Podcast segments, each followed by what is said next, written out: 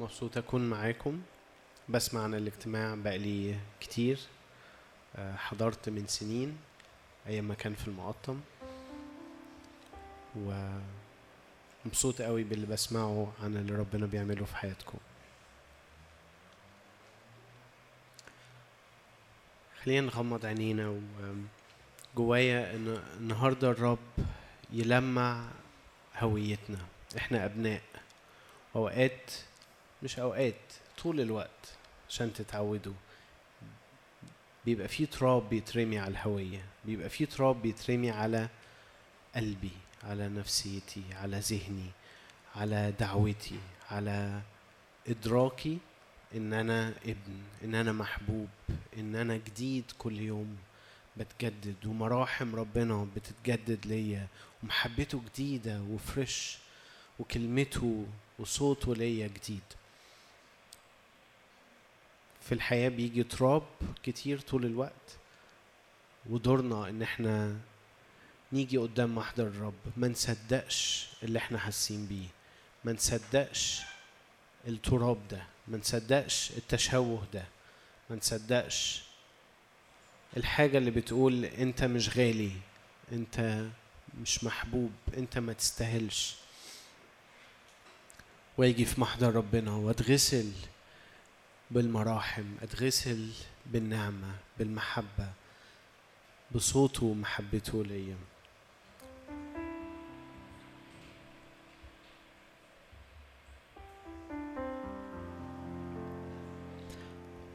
فبالاتجاه ده خلينا نقف قدام الآب.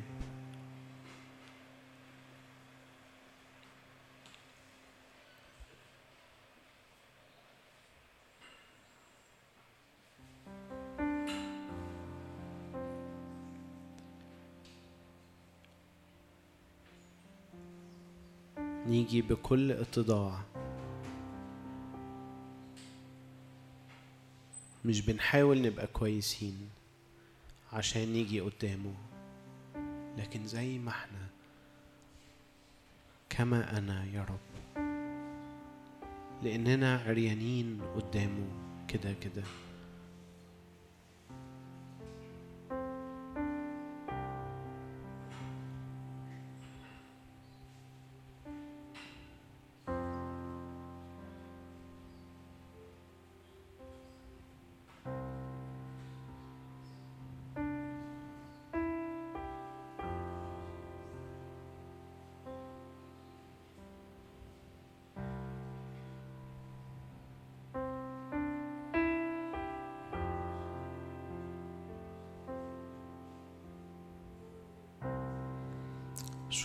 لأنه مراحمك جديدة كل صباح.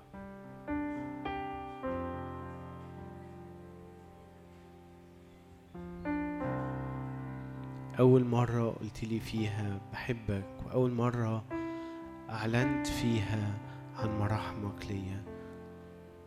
النهاردة هي جديدة هي فريش هي مش كانت محبة. مش كانت مراحم ومش ملحقاني ومش مكفية ضعفاتي وعيوبي.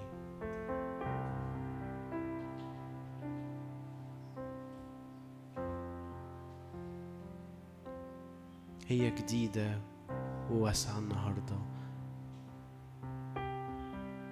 مراحم أبدية محبة أبدية أحببتك. أدمت لك الرحمة.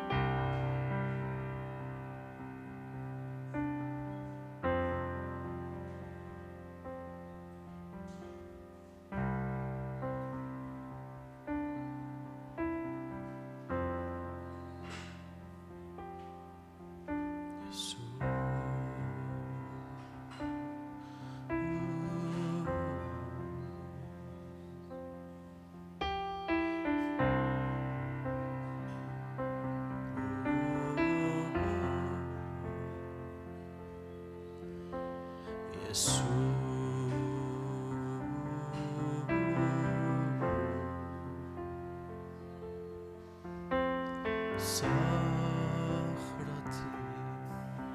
يسوع.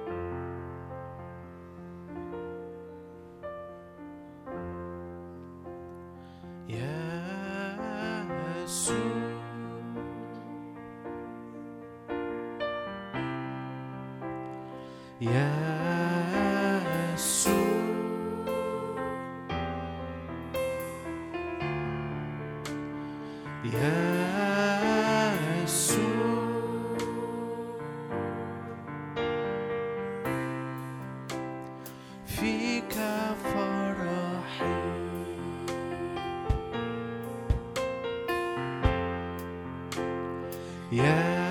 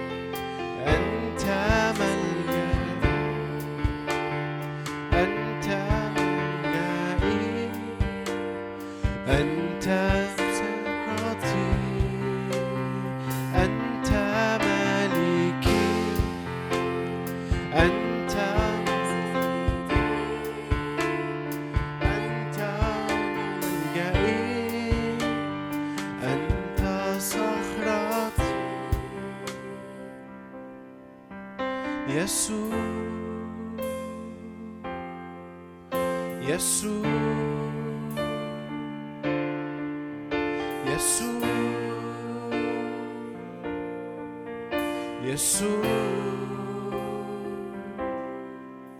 يسوع. يسوع. يسوع.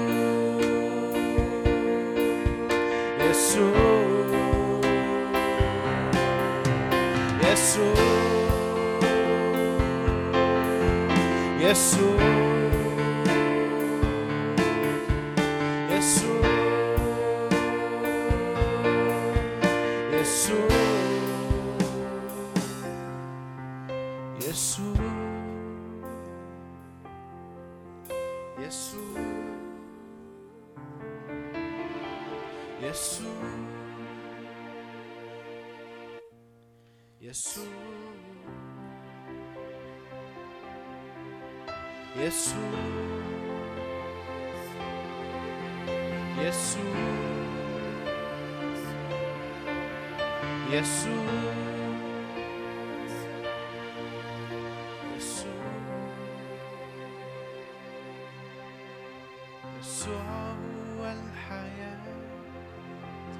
يسوع هو يسوع هو الحق. اللي حرك كل أسير. يسوع هو يسوع هو النهاية. يسوع فيه الراحة. وفي كل الكفاية. يسوع هو الطريق. يسوع هو يسوع هو الحق اللي حرك كل أسير. يسوع هو البداية. يسوع هو النهاية. يسوع في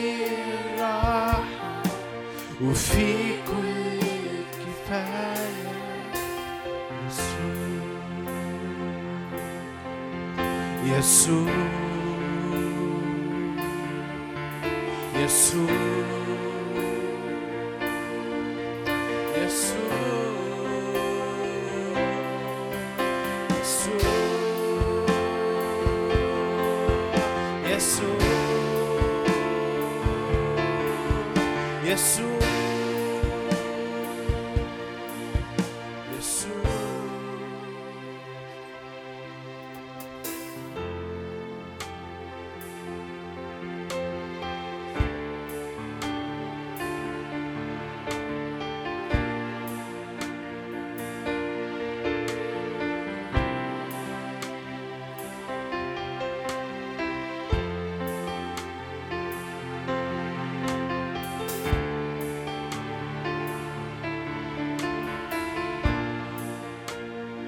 اشكرك لأنه أحضانك. يا رب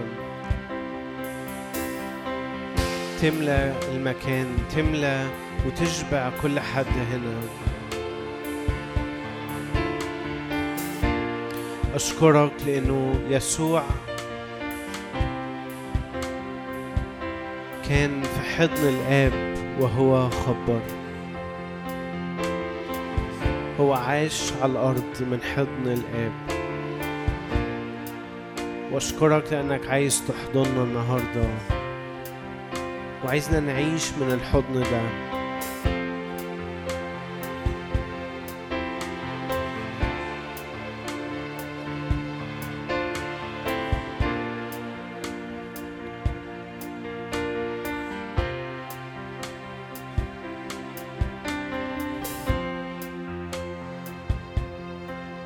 أشكرك لأجل قبولك. أشكرك لأجل ابتسامتك.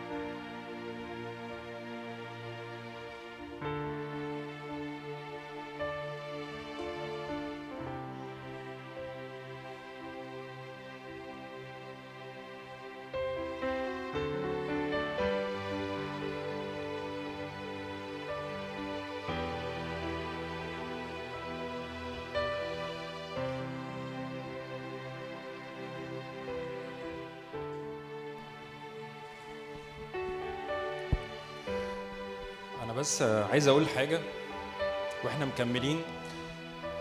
أنا عارف إن البعض فينا حاسس اني إحنا إيه ده بناخد أوقات كتيره قوي في عزف بس حاصل لكن مفيش ترانيم حاصلة.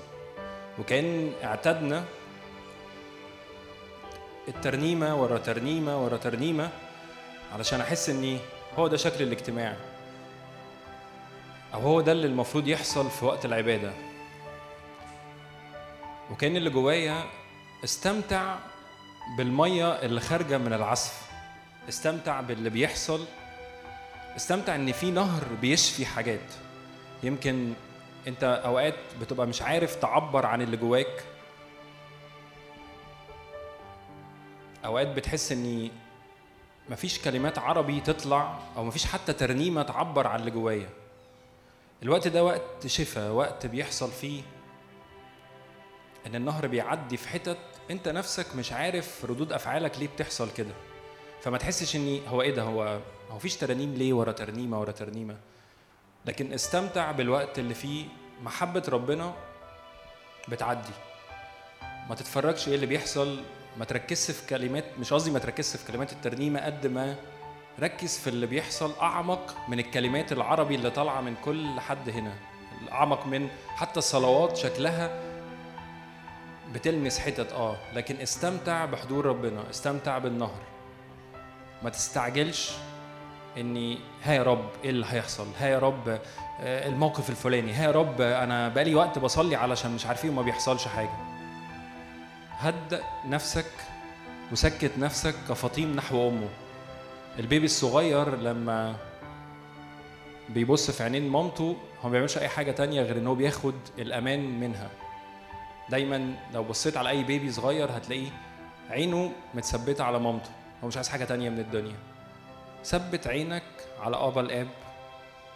ايا كان اللي أنت جاي منه ايا كان الأحداث ايا كان علامات الاستفهام اللي قدامك هو ينفع تستمد منه القوة والمحبة وينفع يخلص كل حاجة في حضوره. أمين؟ فما تستعجلش إني إيه الترنيمة اللي جاية؟ ما تستعجلش إني طب هو هيصلي صلاة آه، رامز هيصلي صلاة ممكن الصلاة دي أنا مستنيها. ما تعملش أي حاجة غير ارتاح في حضن أبا الآب.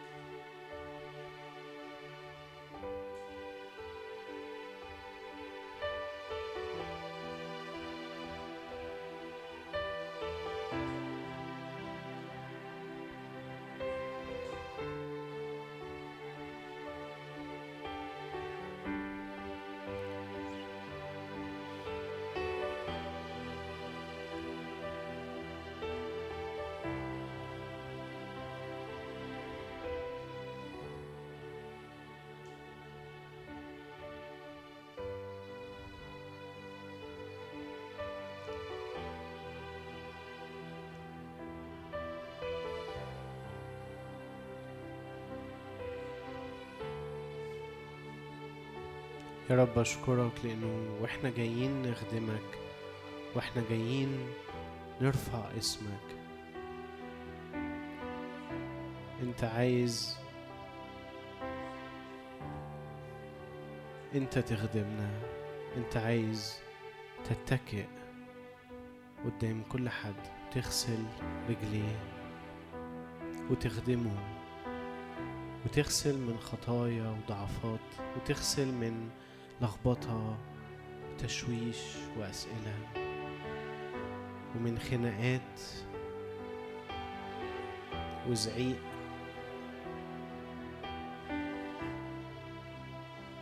تأتي بنا إلى مراعي خضر. تأتي بنا لمياه راحة.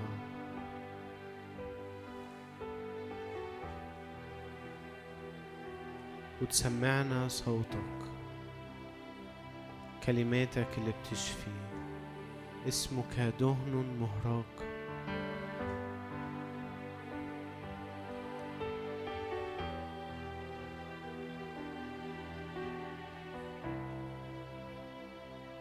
أشكرك لأنك إله حنين مش قاسي.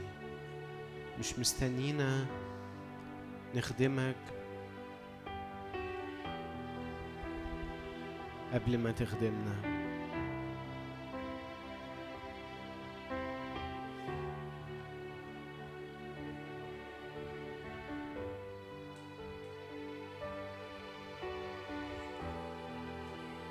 نفسي نفتح إيدينا قدامنا كده و- واستقبل محبة استقبل استقبلي سلام الرب.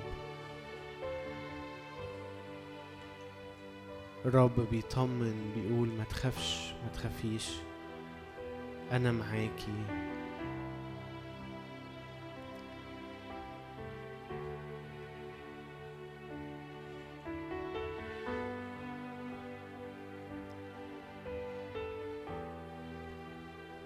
النفس الشبعانة تدوس العسل.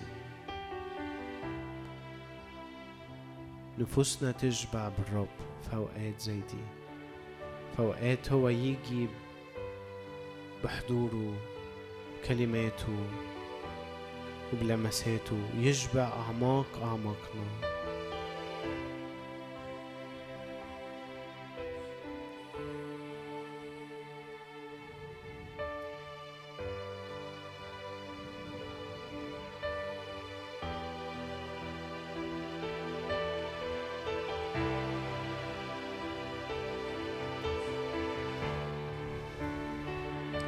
خزي في محضر الرب. كل إحساس بعدم الاستحقاق والخزي. شفاء.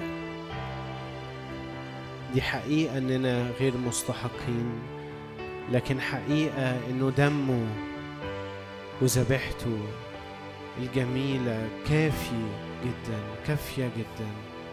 يسوع وجهه الجميل مغطينا. يسوع كماله مغطينا. ويغسل من على كل حد فينا. كل خزي كل عار كل إحساس بالذنب كل ضمير شكاية كل ضمير خطية.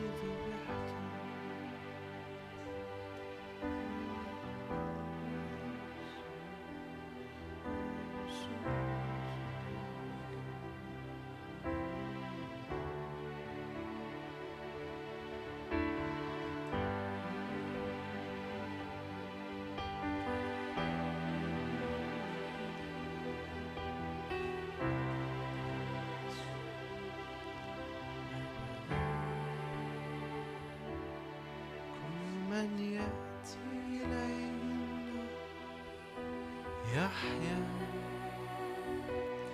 كل ما يأتي إلينا يحيا. الآن كل ما يأتي إلينا يحيا. كل من يأتي إلينا يحيا. الآن يأتي إليه النار يحيا كل من يأتي النار يحيا الآن. أنهار أنهار حياة تخرج من عرشك تحيينا أنهار مياه أنهار حياة تخرج من عرشك تحيينا تنفجر المياه من نبع الحياة من صخر الدهور يسوع تنفجر المياه من نبع الحياة من صخر الدهور. يسوع.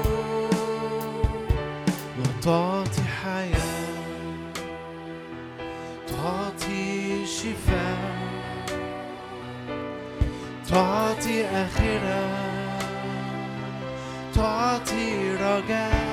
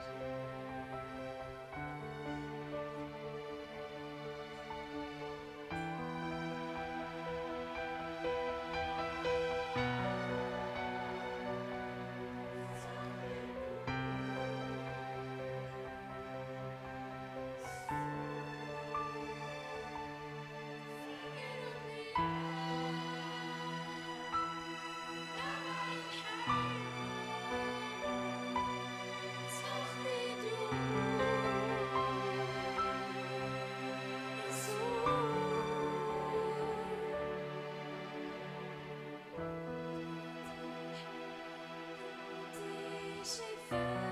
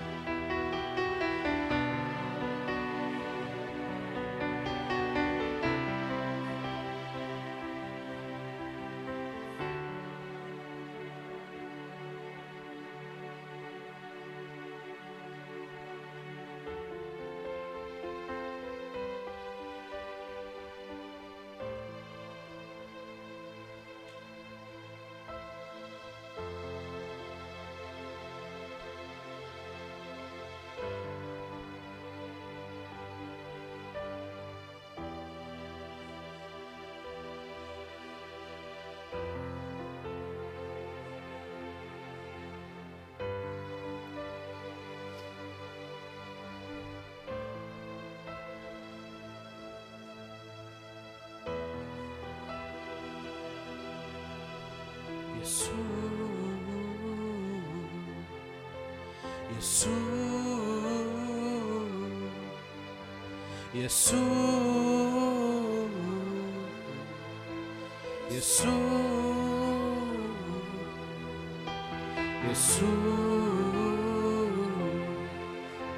يسوع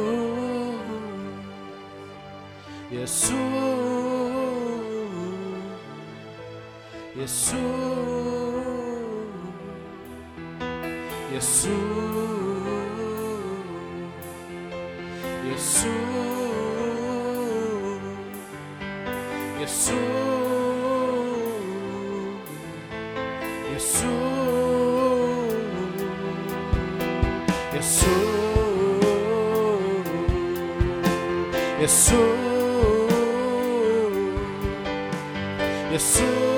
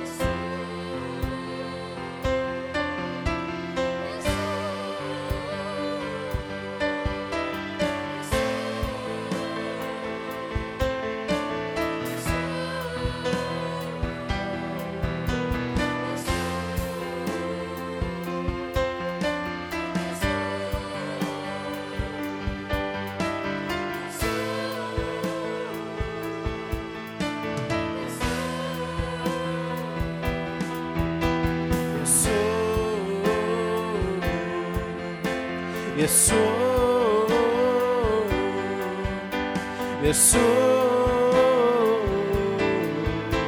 يسوع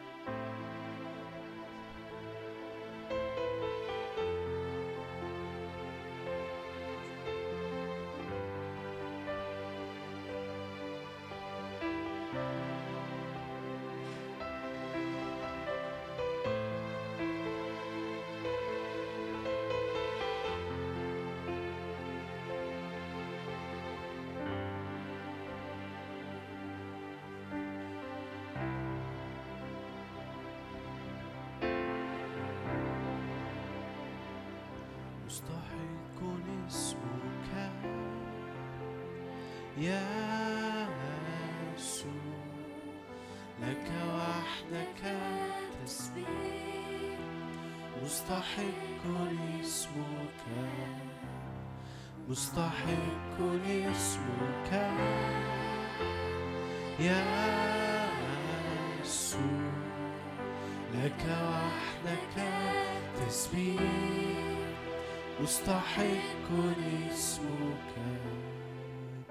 مستحق اسمك. يا يسوع لك وحدك تسبيح. مستحق اسمك.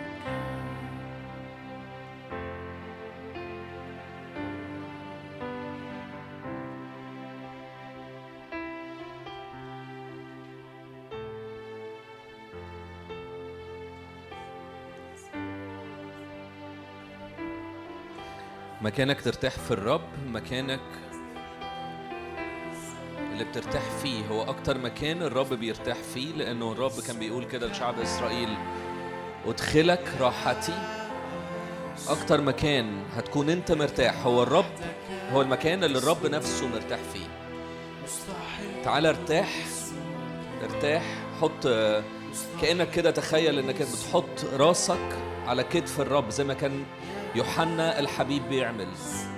ارتاح في الرب اديله كلام من جوه قلبك قوي كلام للنعمة والحق. قول له انت مستحق. قول له بحبك قول له انت ملذ لأنه يستاهل لأنه يستاهل لأن دي الحقيقة دي حقيقته. هو مستحق. كل العبادة كل التسبيح.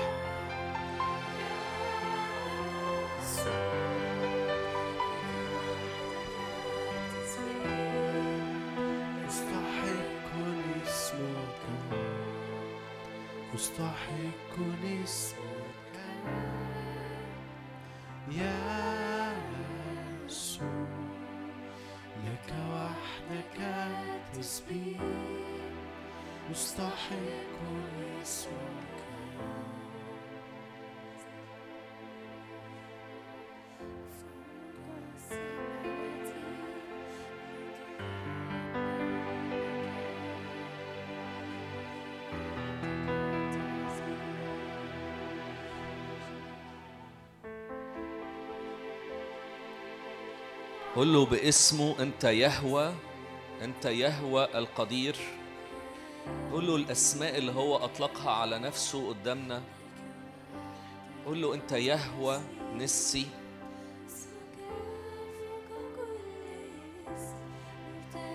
ارتاح فيه ارتاح في الرب لأنه ده المكان اللي أنت هتعرف ترتاح فيه.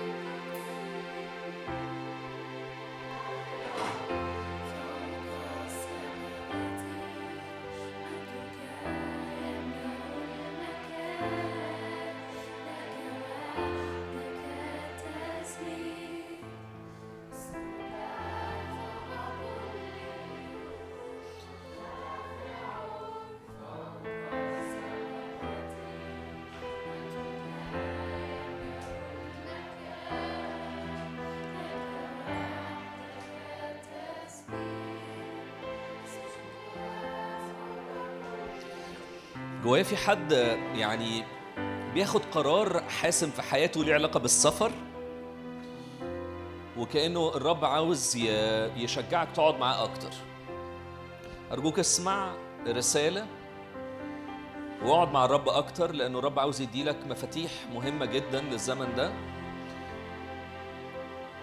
والقرار محتاج يتاخد بحكمة.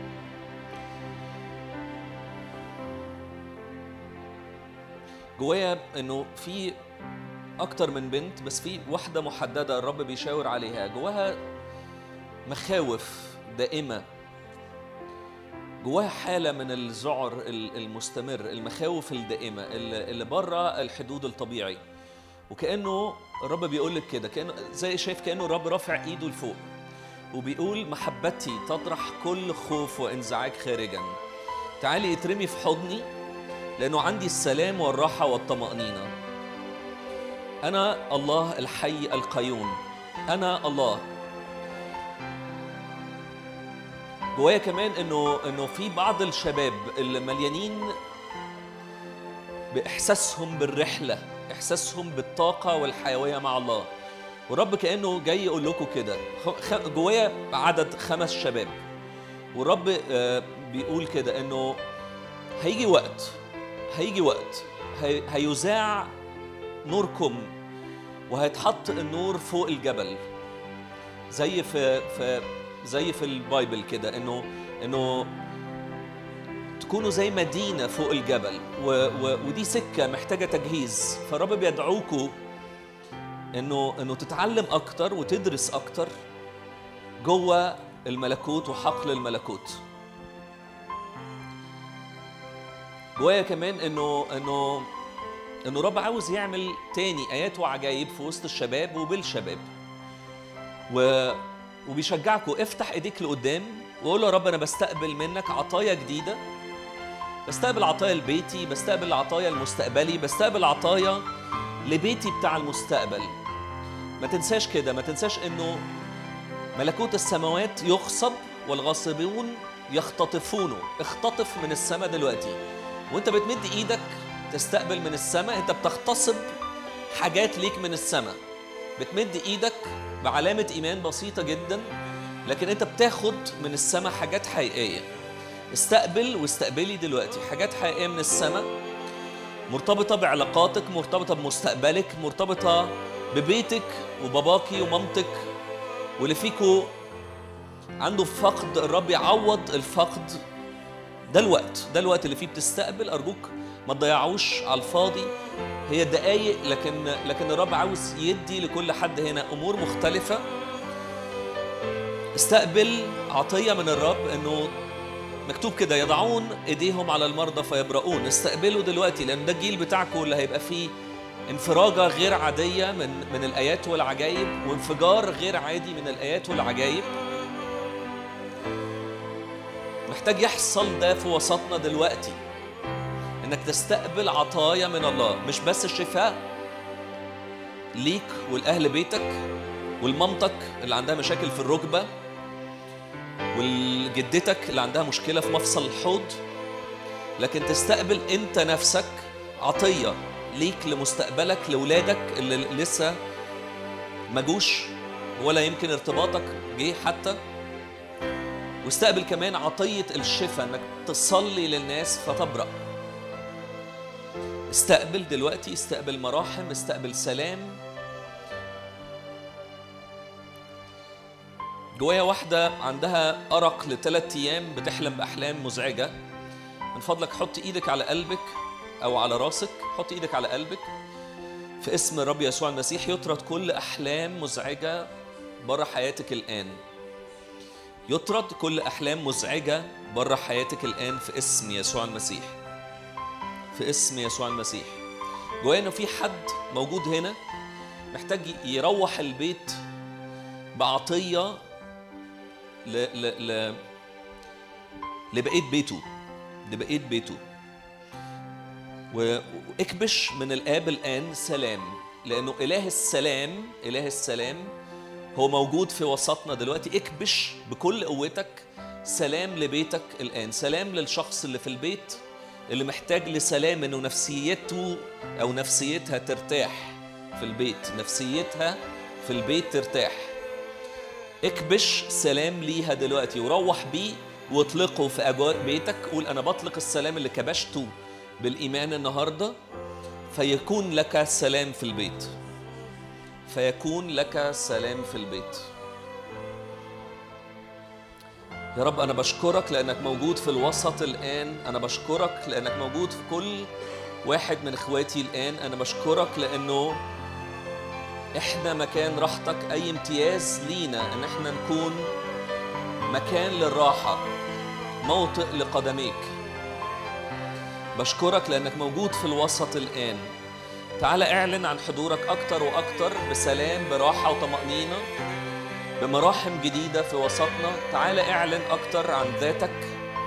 تعال ورينا حضورك في كلمتك. تعال كلمنا النهاردة بوضوح عن كل كلمة أنت عاوز تعلنها لينا عن الحاضر والمستقبل لأنه لك الكل في الكل. أنت إله الكل في الكل لا يحدك زمان ولا مكان. أشكرك لأنك موجود. كلمنا كلمنا النهارده. كلمنا أنت النهارده يا رب في اسم يسوع. ليك كل المجد يا رب. منور منور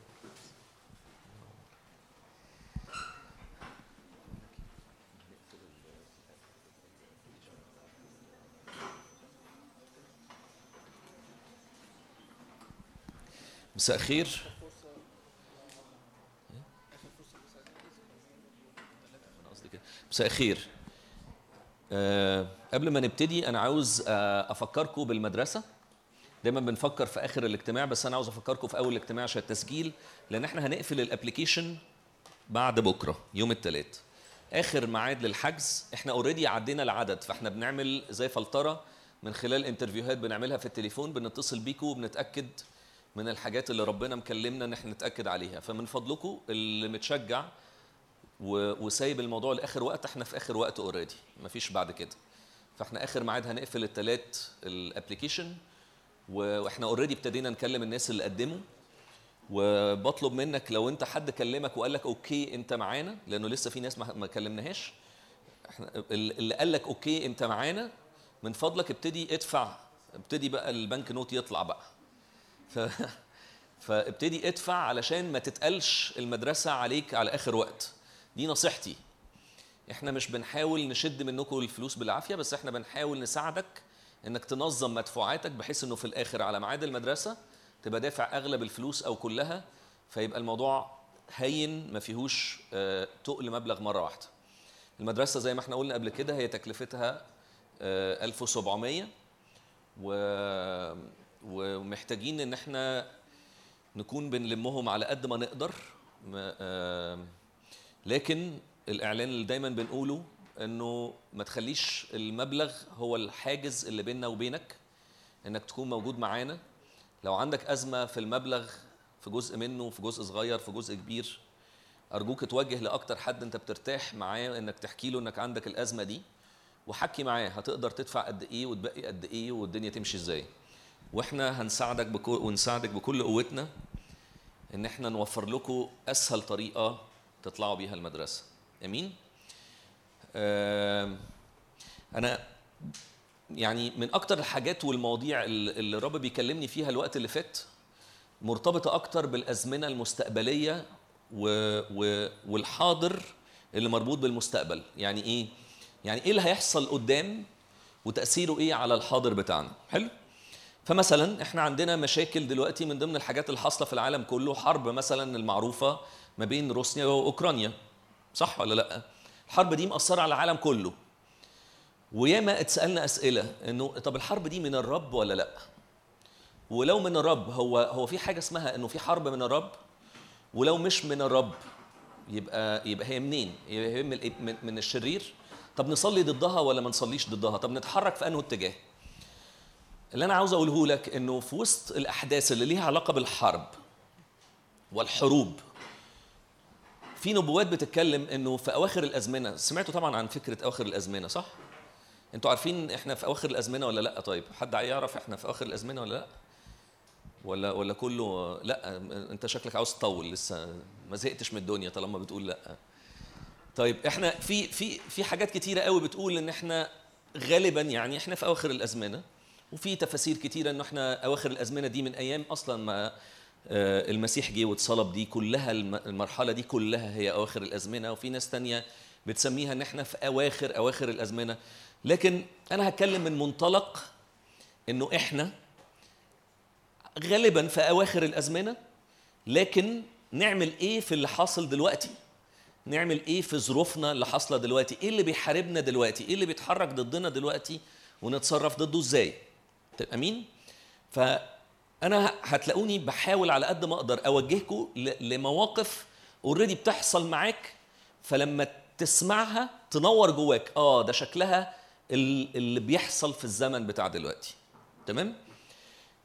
في البداية عاوز نقرأ من مرقس 13 3 لو معاك البايبل على ال- ال- الموبايل ممكن تفتحه وتقرأ معايا.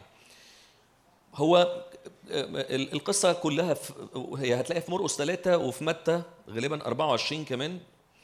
بيتكلم على نفس الحتة بالظبط إنه علامات نهاية الأزمنة. ال- التلاميذ كانوا قاعدين مع يسوع وابتدوا يسألوه بقى إحنا خلاص إحنا صرحة دلوقتي مع بعض وبنتكلم إنك أنت ابن الله الحي وعارفين قدراتك وعارفين أنت منين فإحنا هنسألك بوضوح. ادلنا علامات أواخر الأزمنة. فابتدى إن هو يشرح لهم إيه الفكرة من وراء أواخر الأزمنة وإيه شكل العلامات دي. اقرأ معايا كده من ثلاثة وفيما هو جالس على جبل الزيتون تجاه الهيكل سأله بطرس ويعقوب ويوحنا وأندراوس على انفراد. يعني كمان اخذوه لحتة حميمية أكتر من ال 12 تلميذ اللي هي اوريدي المنطقة الحميمية.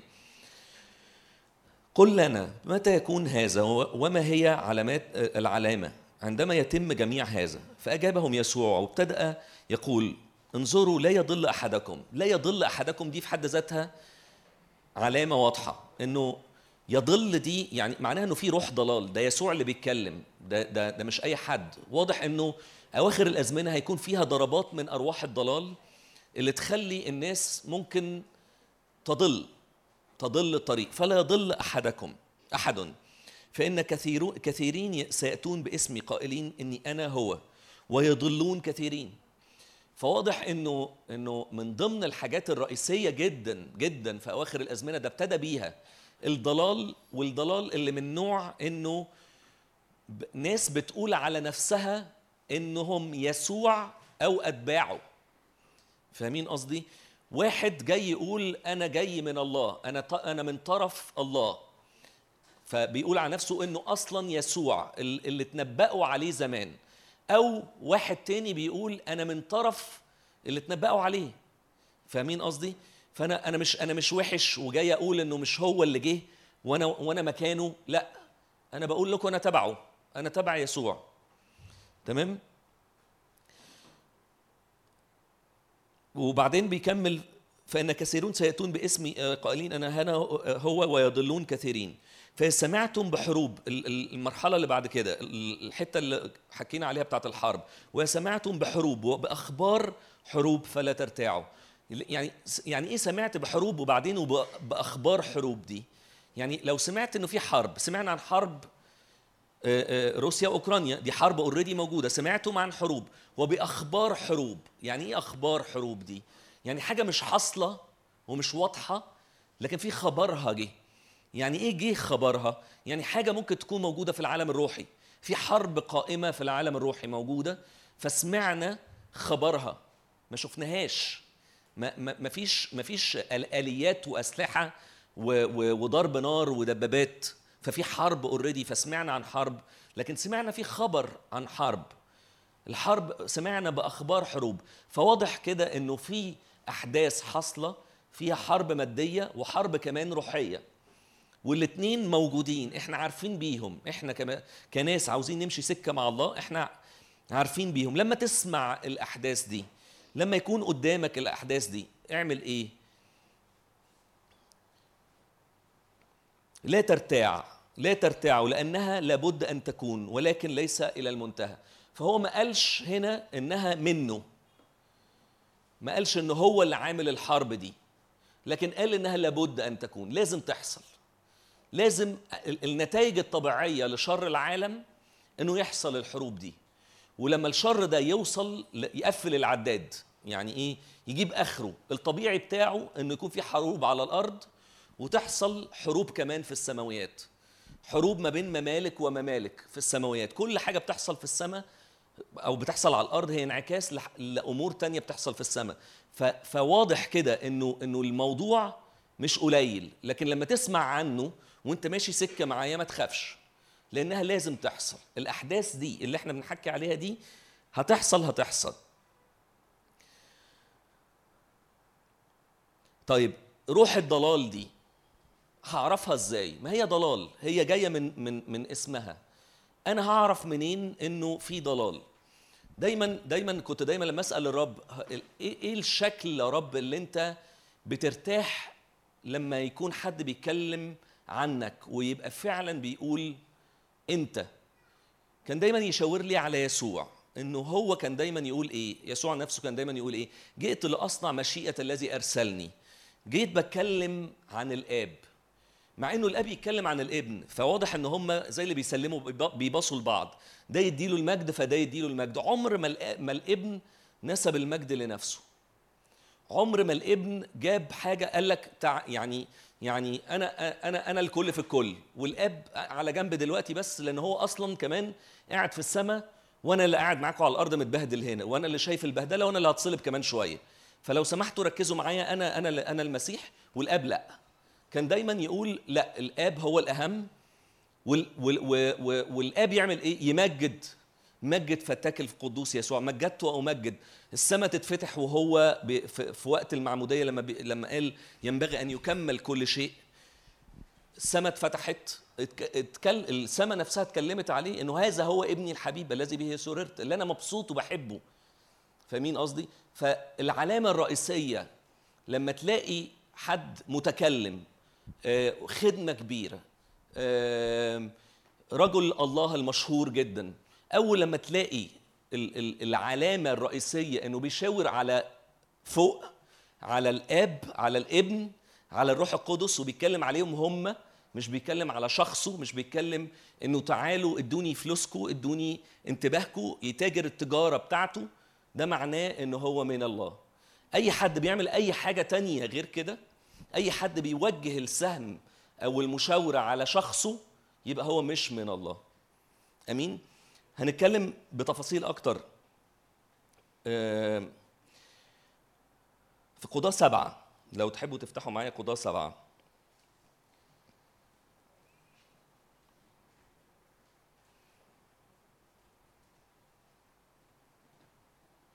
وعدد 25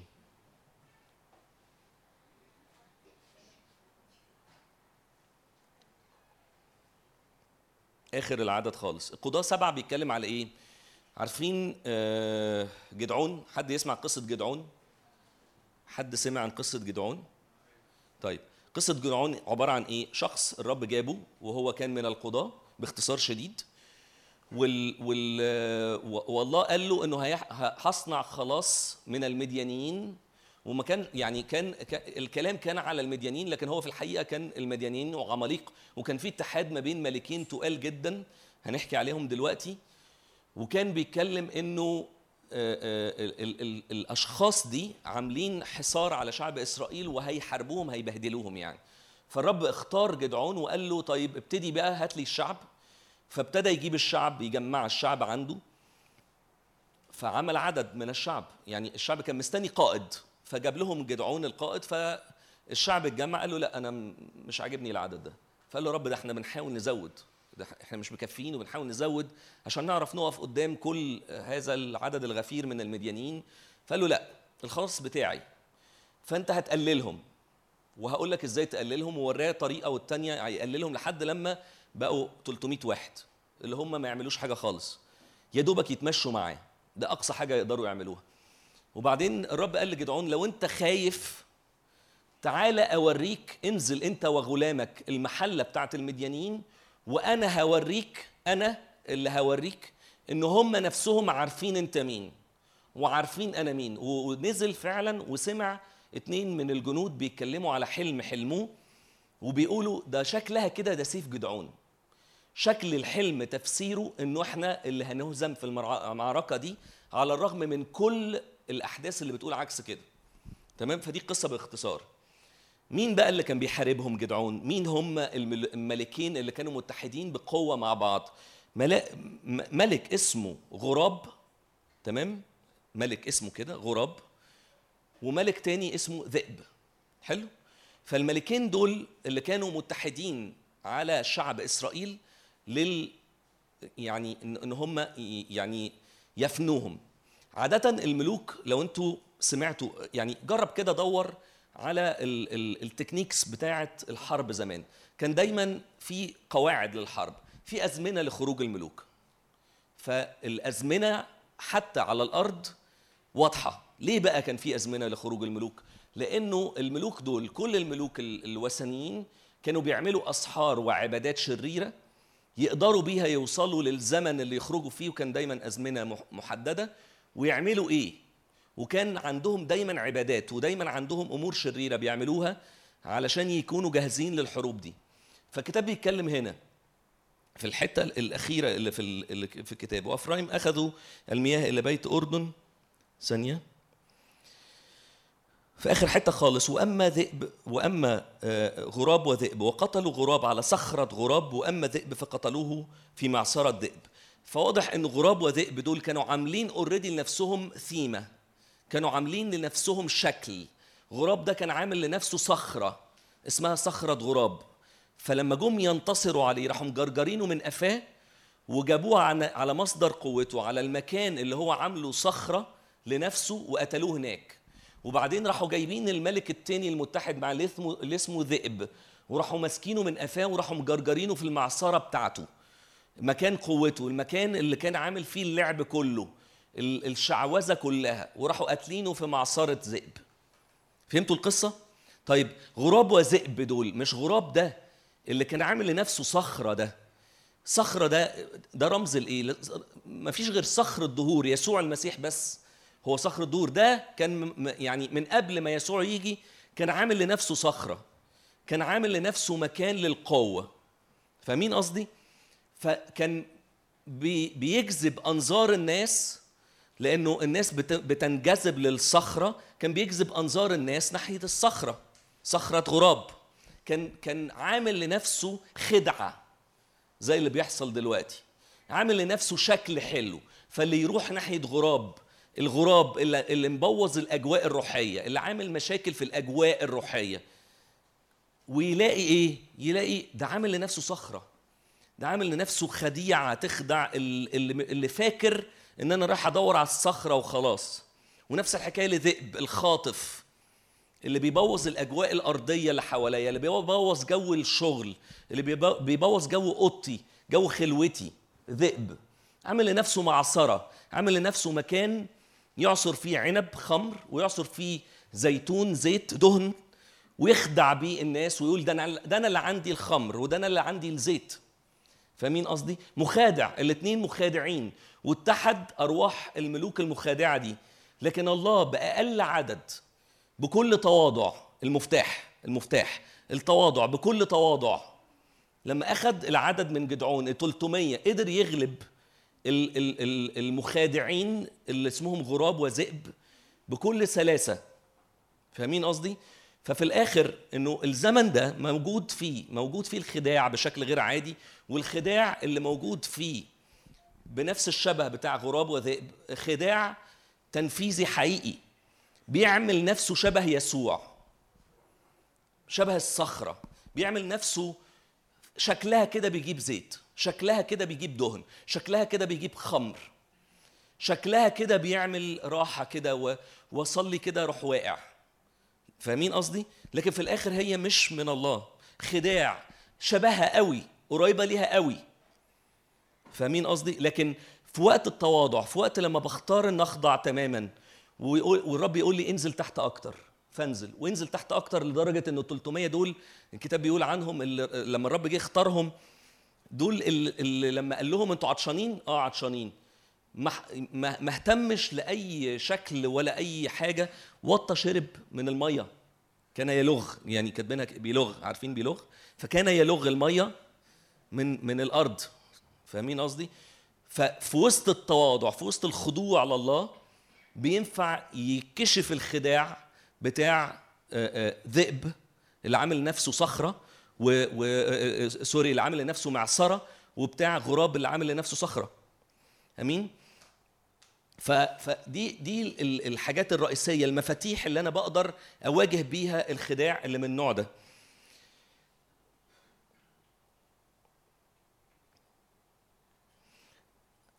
عاوزكم تفتحوا معايا أشعياء عشرة؟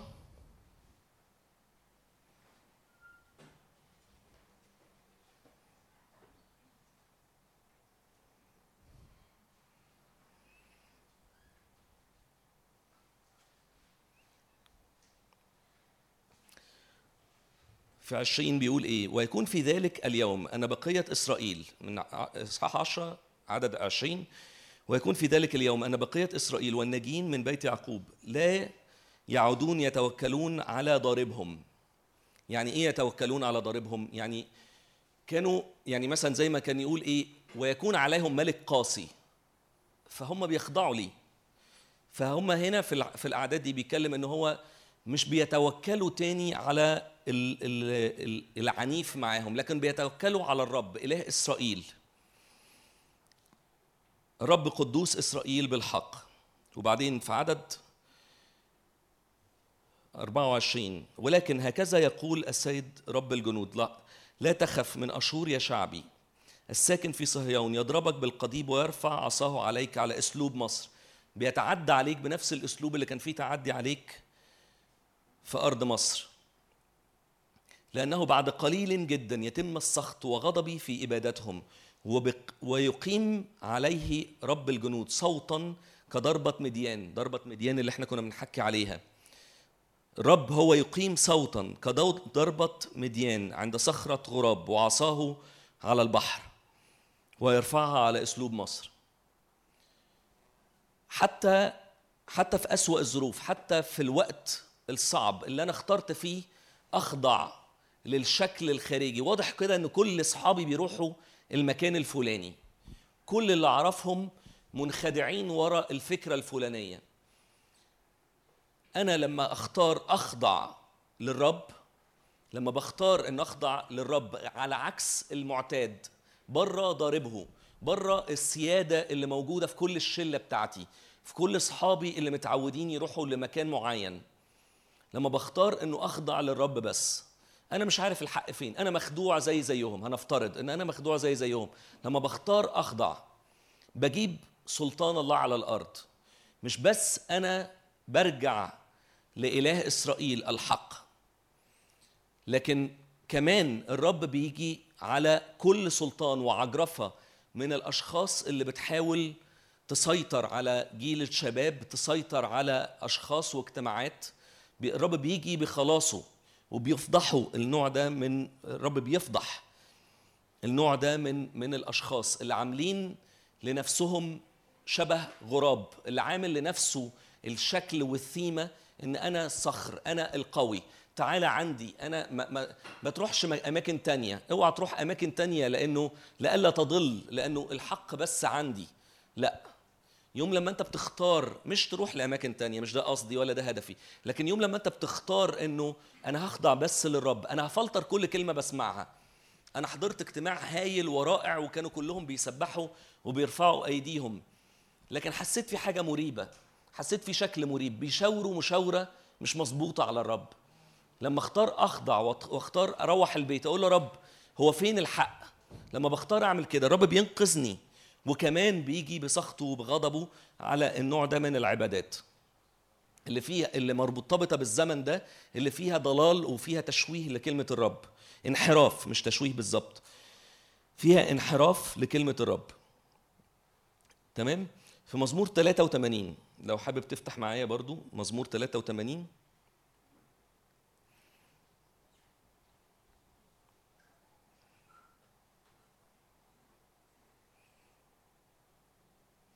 في عدد تسعة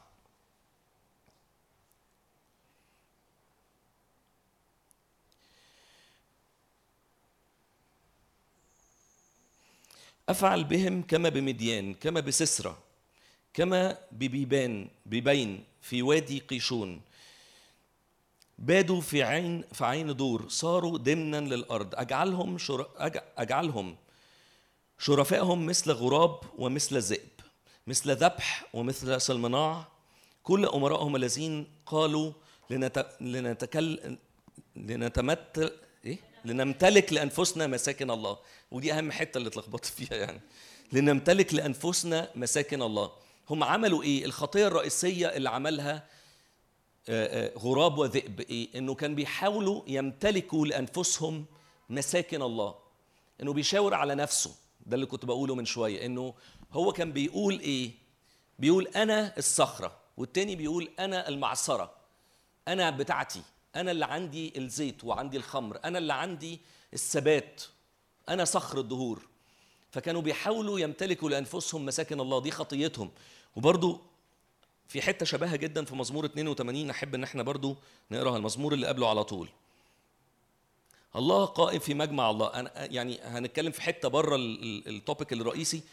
الله قائم في مجمع الله. يعني إيه الله قائم في مجمع الله؟ ده مزمور 82 هو ينفع الله يبقى قائم في مجمع ما, ما, نقول الله قائم في مجمعه. فاهمين قصدي؟ فواضح إنه مجمع الله ده مكان كيان ليه مسمى. فاهمين قصدي؟ ليه مسمى حقيقي اسمه مجمع الله. فينفع ناس تروح تقوم في مجمع الله وينفع الله نفسه يروح يقوم في مجمع الله. وواضح إنه مجمع الله ده مجمع. يعني إيه مجمع؟ يعني يعني مش أربع حيطان يعني في في تجمع جوه في أرواح تانية موجودة جوه ليه- ليها سلطة وليها هدف. فبيقول كده الله قائم في مجمع الله في وسط الآلهة يقضي. هو واقف في وسط الكتاب الكتاب مش بيقول كلام عشوائي على فكرة.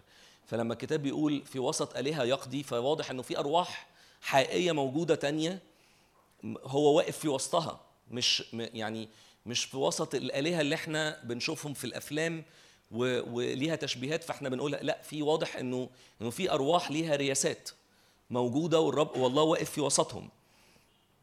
في وسط الآلهة يقضي. بيقول لهم إيه بقى؟ بيقضي بيقول إيه؟ حتى متى تقضون جورا وترفعون وجوه الأشرار؟ يعني بي بيوبخهم وبي, وبي يعني بيكلمهم بحسم وبيقول لهم إيه؟ أنتوا لحد إمتى هتسكتوا وبترفعوا وجوه الأشرار؟ وبت... وهم أصلا بيرفعوا وجوه الأشرار ليه؟ أكيد ل- لتجارة شخصية بيشاور برضو على نفسه بيتاجر لنفسه. فهنفترض ال ال ال القصة اللي أنتوا أكيد أغلبكم عارفها بتاعة دانيال لما لما قعد فترة صايم وبيصلي و- وجاله ملاك بيقول له أنا جاي لك بالبشارة الفلانية لكن وأنا جاي في الطريق وقف الي ورئيس مملكة فارس فده رئيس أهو رئيس روحي رئيس روحي ملوش جسد رئيس روحي وقف ضدي و و و و ونده على الملاك ميخائيل وقال له كده أحد الرؤساء القدامى وهو رئيسكم. فواضح إنه في رؤساء وفي رؤساء وقعت وفي رؤساء طلعت وده الشكل اللي موجود في مزمور 82 فهو إيه اللي حصل؟ إنه في بعض الرؤساء الروحيين تجروا تجارة مش مظبوطة. اشتغلوا شغلانة مش مظبوطة ابتدوا يرفعوا وجوه الأشرار.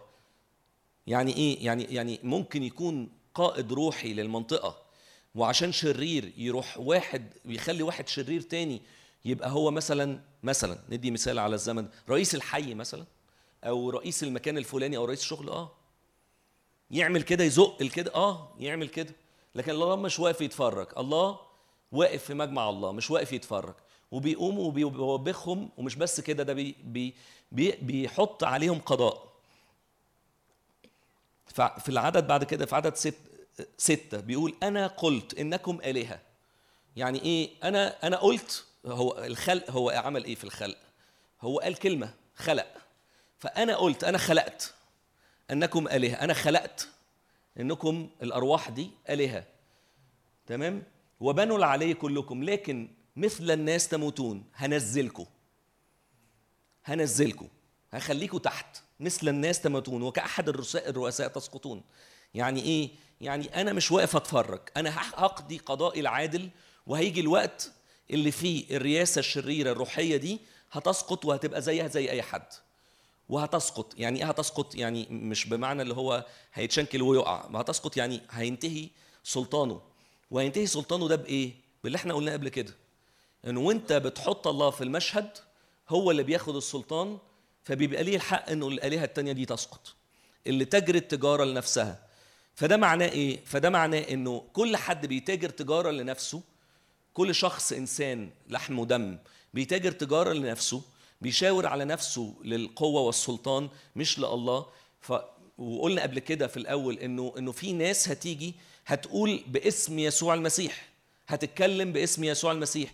وفي, وفي متى كمان مش بس كده ده في متى بيقول إنه ده هيعملوا آيات وعجائب باسمي واتقال بعد كده في أسفار تانية انه إنه هيجي يعني مش بس ناس هتقول إن هم مسحاء ده هيكرزوا باسمه. لكن هيتاجروا تجارة لنفسهم. يعني إيه بكرز ب... ما في إيه أحلى من كده طب يا جماعة؟ ده أنا بقول يسوع المسيح هو ابن الله. لكن بتاجر التجارة لنفسي. مزيف قرب ال- قرب الحقيقي قوي. عارفين لما لما يعني لما يزيفوا دولار كده مثلا يطبع دولار كل ما يقربوا للحقيقي كل ما يبقى مزيف قوي لكن هو في الآخر إيه؟ مزيف. هو مش حقيقي. ال 100 دولار هي مش 100 دولار هي حتة ورقة. فاهمين قصدي؟ بس هي في الآخر قريبة قوي للتزييف. كل ما أبذل مجهود أكتر إن هي تبقى مزيفة كل ما هي تفضل قيمتها حتة ورقة ملهاش أي لازمة لكن هي قريبة قوي للحقيقة فتخدعني تخدع اللي يمسكها ما يعرفش يمسكها. فاهمين قصدي؟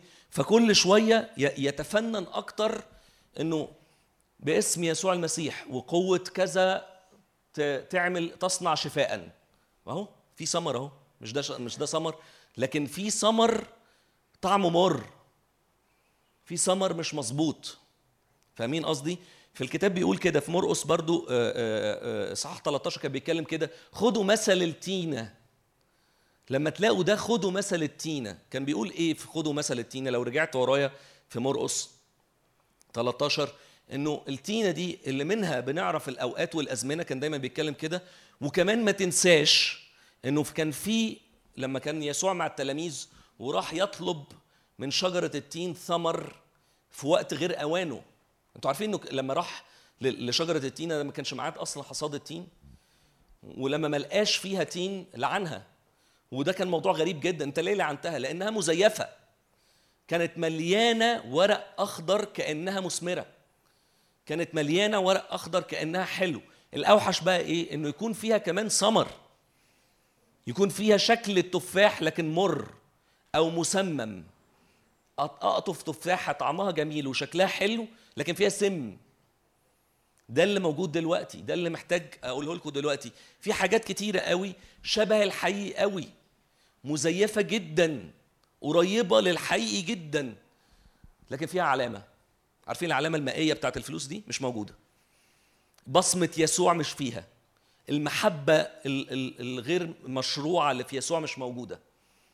التجارة الشخصية موجودة. بنسب المجد لنفسي. كل حاجة مظبوطة كل حاجة جميلة كل حاجة شكلها حلو. بقول مجدا يا يسوع وهللويا. لكن لازم تيجي تدفع فلوسك عندي. لازم. معلش. لأنه أنا عندي ثغرة كده يعني إيه مثلا أنا- دي مقولة من ضمن المقولات. آه، مكتوب آه، آه، هاتوا عشوركم وجربوني صح؟ لحد هنا حقيقي. وأنا أنتهر الآكل من أمامكم. دي ده كلام الكتاب. أنا ما جبتش حاجة من عندي. هو الآيات كده. فطالما أنا بعمل ده في الاجتماع عندي وبنتهر يبقى تجيب العشور عندي على طول. يا سلام. شفتوا دي؟ فطالما أنا بنتهر جوه الاجتماع وأنا أنتهر الأكل الآيات بتقول أنتهر الأكل من أمامكم تجيب عشورك عندي. وممنوع توديها في حتة تانية. فين فين الوصف؟ العشور بتروح لبيت الله لبركة بيت الله. كل التحركات عنده هو ما عنديش مع مش عند حد مش عندي مش عندي كشخص. أنا فاضي أنا ما عنديش حاجة أقدمها. كل لما لما لما ال- الشخص يبقى مدرك إنه ال ال الكل من عنده هو من عند الآب وبيبقى بيعلن ده كل ما بنبقى عارفين أكتر إنه المكان ده مكان حقيقي. ودوري مش إن أقول لك تروح فين ولا ما تروحش فين. أنا قلت لك قبل كده وقلت لك قبل كده إنه أنت لازم تخضع تتضع وتخضع لله لأنه أنا أنا شخصيا ممكن أكون مخدوع في حاجات ورب بيقومني مع الوقت لحد لما أكون جاهز. لكن دورك أنت ودورك أنت إنك تفلتر كل حاجة بتوصل لك. كل حاجة بتوصل لك النهارده ودلوقتي بطلب منك إنك تراجعها أول لما ترجع أقعد قدام الرب قول له الراجل ده كان بيقول إيه؟ ده حقيقي ولا لأ؟ كل ما تحط كل كلمة بتخش لك على الزيج بتاع الله وتشوفها مخرمة فين بايظة فين كل ما انت تبقى حقيقي وبتجيب سلطان الله عليك وبتجيب قضاءه عليا أو على المتكلم. ربنا يستر. طيب الحاجة ال ال ال إحنا اتكلمنا دلوقتي على ال- المزيفين والشكل التزييف اللي موجود في الزمن ده. النقطة اتنين إحنا كل ده كنا في نقطة واحد، نقطة اتنين القضاء في, في سفر القضاء 16 لو عاوز اللي عاوز يفتح دي حتة آه، حلوة ومهمة. قضاء 16 تمام؟ قضاء 16 بيتكلم على شمسون شمشون ودليلة. أوكي؟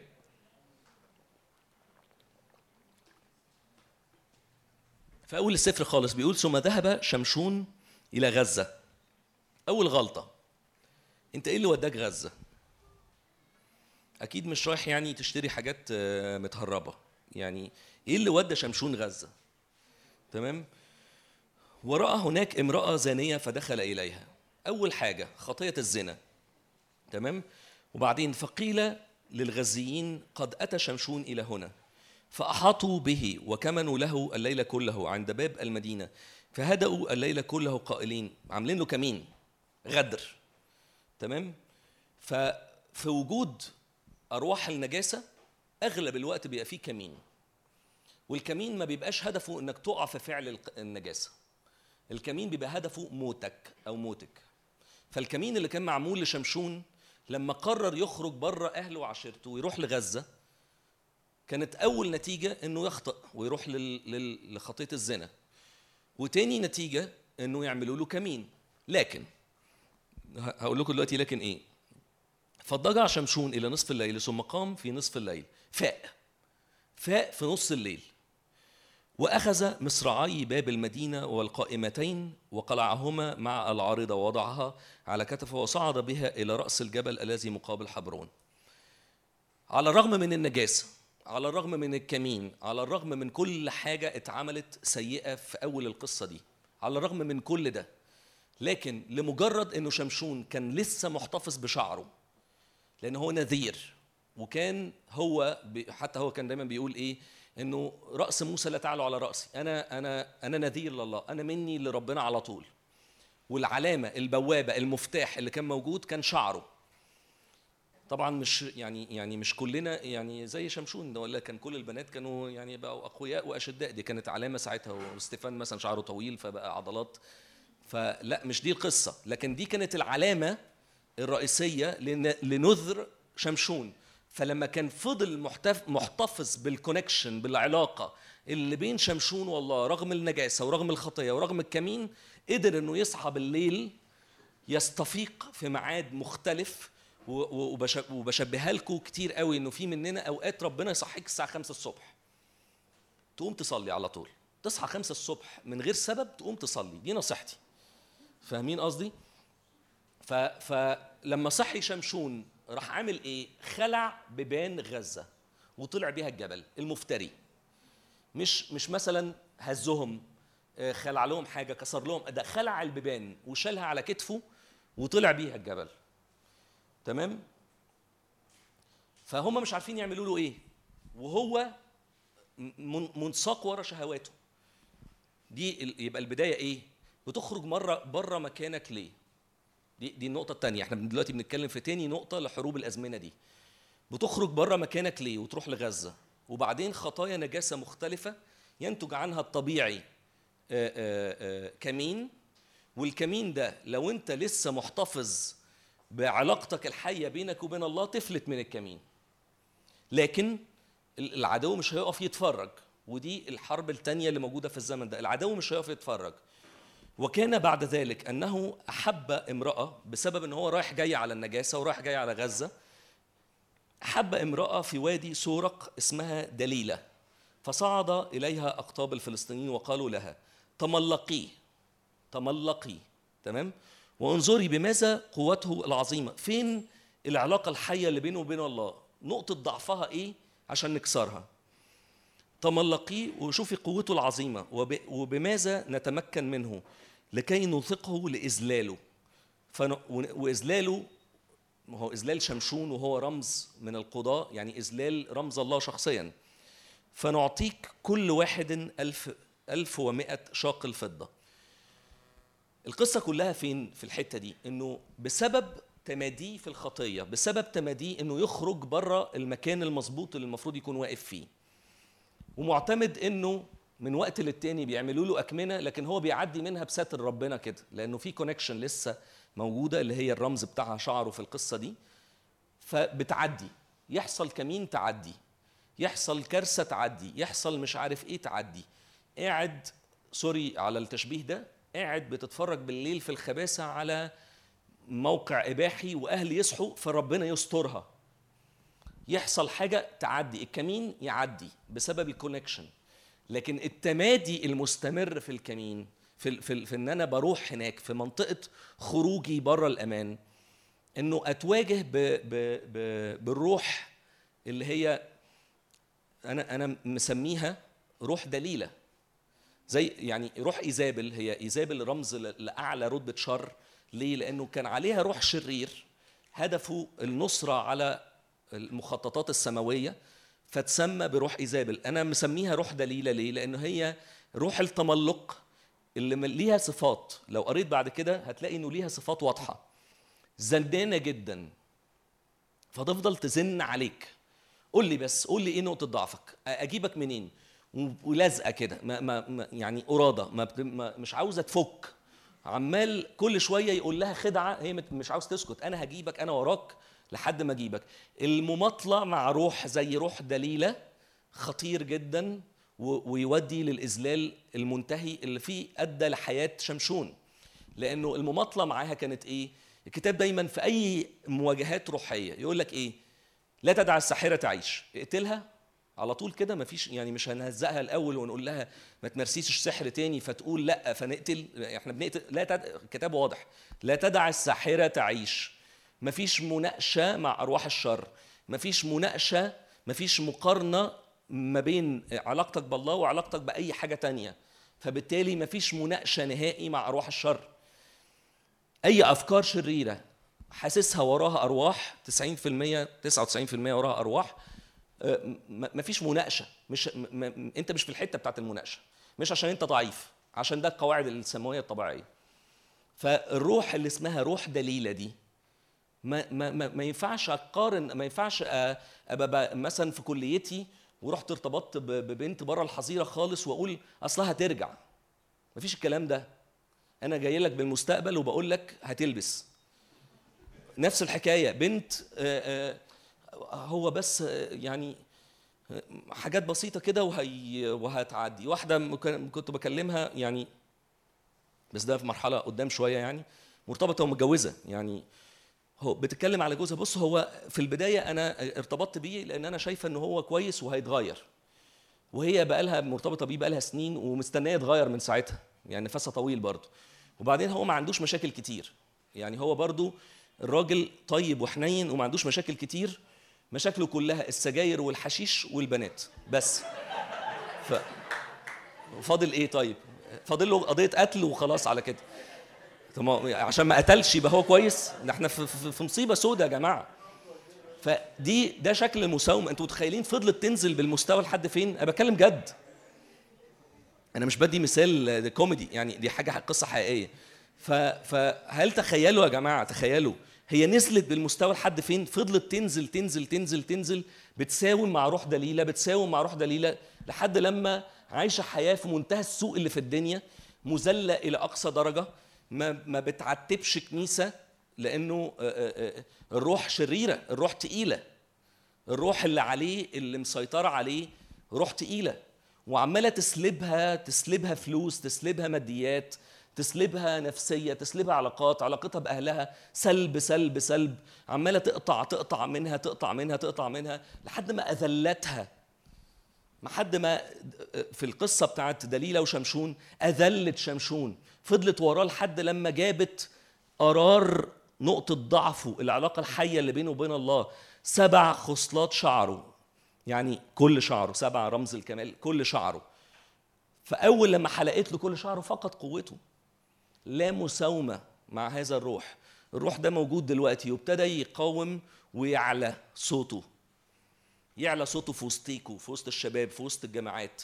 إنه مساومة نساوم في علاقات. ودي أكتر حاجة متاحة قوي دلوقتي نساوم في علاقات ولاد مع بنات بنات مع ولاد نساوم في في شهوات نسا نساوم كده نجرب سنة. طب نجرب سنة كمان طب سنة كمان وكل شوية سنة كمان. لا مساومة أرجوك أرجوك لا مساومة. من أول دقيقة لو شمشون كان ده على قفاها كانت مشيت وخلاص وهي أصلا ما كانتش هتستحمل منه كف. ده لسه في القصة القصة اللي قبليها رفع خلع بيبان البلد. فهو يروح كده خلاص خلصت وانتهت والقصة خلصت وكان زمان شم زمان شمشون دلوقتي عايش. والدنيا حلوة يعني. فتخيلوا المساومة مع حاجة زي روح دليلة دي تو... تودي لحد فين؟ في قصص حقيقية في حياتنا شبهها. وأنا حكيت لكم القصة دي, دي حكيتها بصورة هزلية بس هي حاجة محزنة محزنة جدا إنه في الآخر بسبب مساومة شبه كده الشخص حياته كلها ممكن تتدمر حرفيا. ف فتالت حاجة تاني حاجة سوري ال... ال... ال... الشكل بتاع المساومة مع روح دليلة. تالت حاجة أعمل إيه مع النوع ده من الحروب؟ أحلها إزاي؟ أتحرك فيها الوقت ده إزاي؟ الشكل كله صعب الحياة كلها بقت صعبة امتحانات في كل حتة مش بتكلم على امتحانات الدراسة. بامتحن في إيماني بامتحن في كذا بامتحن في كذا. وده تقل عليا. أنا محتاج حتة أفرغ فيها. محتاج في وقت من الأوقات أنزل على غزة. محتاج في وقت من الأوقات أنام على حجر دليلة شوية. محتاج في وقت من الأوقات أرفع إيديا وأعتمد على ضاربي. زي ما كنا بنتكلم قبل كده في في في إشعياء 10 أرفع إيديا وكفاية مسؤولية بقى. كفاية أنا المسؤول أنا المسؤول أنا المسؤول. اعتمد على ضاربي وهو اللي يبقى مسؤول في وش الرب بقى لا انت بالعذر ايها الانسان اعتمد على الشخص اللي شبه غراب اللي بيبوظ في الاجواء اللي بيقول أنا اللي عندي الصخره أو الشخص اللي اسمه ذئب اللي بيقول أنا اللي عندي الخمر وعندي الزيت اعتمد عليهم وهم اللي ربهم بقى وهم يتصرف لا قضاء الله مش هيجي على الناس دي ولا الاشكال مش قصدي افراد بس الشكل ده من من الحياة الله مش هيجي بالقضاء غير لما أنا أقف أوقف أقف يعني أفرمل وأقول لأ أنا مش موافق بده. أنا كل وعظة احضرها كل اجتماع احضره هروح البيت أسجد وأقول له رب كلمتني في كذا كذا كذا وسمعت منهم كذا إيه رأيك؟ ساعتها بس الرب هيجي يتدخل في حياتك وفي حياة آخرين حواليك. ساعتها بس أول لما تقف في وش النوع ده من المساومات في جامعتك في شغلك في حياتك النوع ده من المساومات. البنت دي جميلة قوي اللي معايا في الشغل. مش قادر أوقف. مش قادر أوقف. توقف فورا. بت بتعاملني كويس. بتسأل على صحتي. كل شوية تقول لي قول لي مواعيد الأدوية بتاعتك وأنا أديها لك. بتكلم بجد. ف ف ف بصوا بصوا المساومة اللذيذة قد إيه. مهتمية بيا لدرجة إيه؟ وإحنا في حالة من الصداقة. مجرد أصدقاء. دي مساومات مع روح دليلة. أرجوكوا خلي بالكوا ال- ال- الوقت حذر الوقت حذر جدا الوقت حذر بشكل يخوف. هعملها إزاي؟ هعملها إزاي؟ هقف ضد ده. هسمع الرب بس هقرر أسمع صوت الرب بس. هقرر ما أسمعش صوت تاني غير صوت الرب. هختبر كل كلمة بتجيلي هي من الرب ولا لأ؟ هختبر كل شخص بيشاور بيشاور على يسوع ولا لا؟ بيش ممكن يكون مزيف. يعني إيه مزيف؟ يعني بيشاور على يسوع وأنا. فاهمين قصدي؟ وممكن أنا دي تبقى قليلة قوي لدرجة إنه بسهولة أتخدع. لا. اللي بيشاور على يسوع بس اللي بيشاور على الله الآب بس اللي بيشاور على الله ال- الابن والروح القدس بس. هو ده بس اللي أنا بقرر إن أنا أتبعه و و و وأسمع وأتعلم منه وأفضل دايما في حالة من الرقابة مترقب. فاهمين قصدي؟ طب غرست غرست. الكتاب بيقول كده يتلف النير بسبب السمانة. هقعد قدام الرب مش عارف أخرج. علم عليا تعليم كتير قوي شكله حلو ومش عارف أخرج. ضحك عليا وقال لي إن الدراسة حرام وحصلت. فمش عارف أرجع مش عارف أرجع كليتي. مش عارف أرجع. يتلف النير بسبب السمانة. حط عليا نير أنا مش على ذهني على فكري يتلف النير بسبب السمانة. يروح سلطان الملوك القاسيين وعصا ال- ال- المديان من عليا بسبب إن أنا قررت أرجع أخضع تاني لله. دي الاحتمالات دي التحركات. والحاجة الثالثه الرئيسية أقدم ذبيحة لله. أشكره إنه أنا لسه واقف على رجليا وأقدم له ذبيحة حية. ذبيحة حية شكلها عامل إزاي؟ شكلها عامل زي ال ال ال اللي موجود في في في لويين لويين اتنين. بيتكلم عن إيه؟ بيتكلم على شكل الذبيحة. ال- ال- ال- مش الذبيحة اللي هي الذبح ال- ال- التقدمه سوري تقدمة حية. آه، تقدمة عبارة عن طحين وعليه زيت دهن دهن حقيقي بقى. مش مش من عند ذئب. دهن من عنده من فوق. ولبان صلوات. فأعمل تقدمة.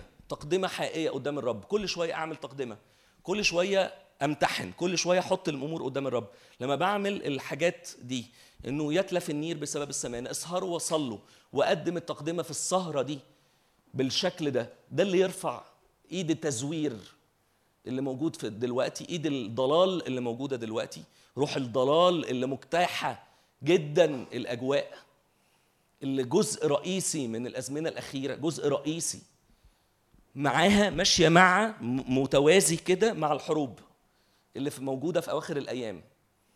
هي ده شكل الحروب السماوية. وأرواح الضلال دي بتتحرك على مدار أجواء ومدار ناس ناس أشخاص. يقول لي كلمة تضلني يقول لي فكرة تضلني. أشخاص حقيقيين أشخاص على منابر أشخاص مش مشهورين أشخاص كبار مختلف. أرواح ضلال مختلفة وأرواح شكل دليلة مختلفة. معايا في الشغل معايا في الكلية. يمكن جارتي في العمارة. فاهمين قصدي؟ ده اللي إحنا محتاجين نقف قدامه في الحتة دي. مين هيقف قدامه؟ أنا وأنت وانتي إحنا اللي هنقول لأ إحنا اللي مش هنساوم. إحنا اللي هنقرر ما نساومش.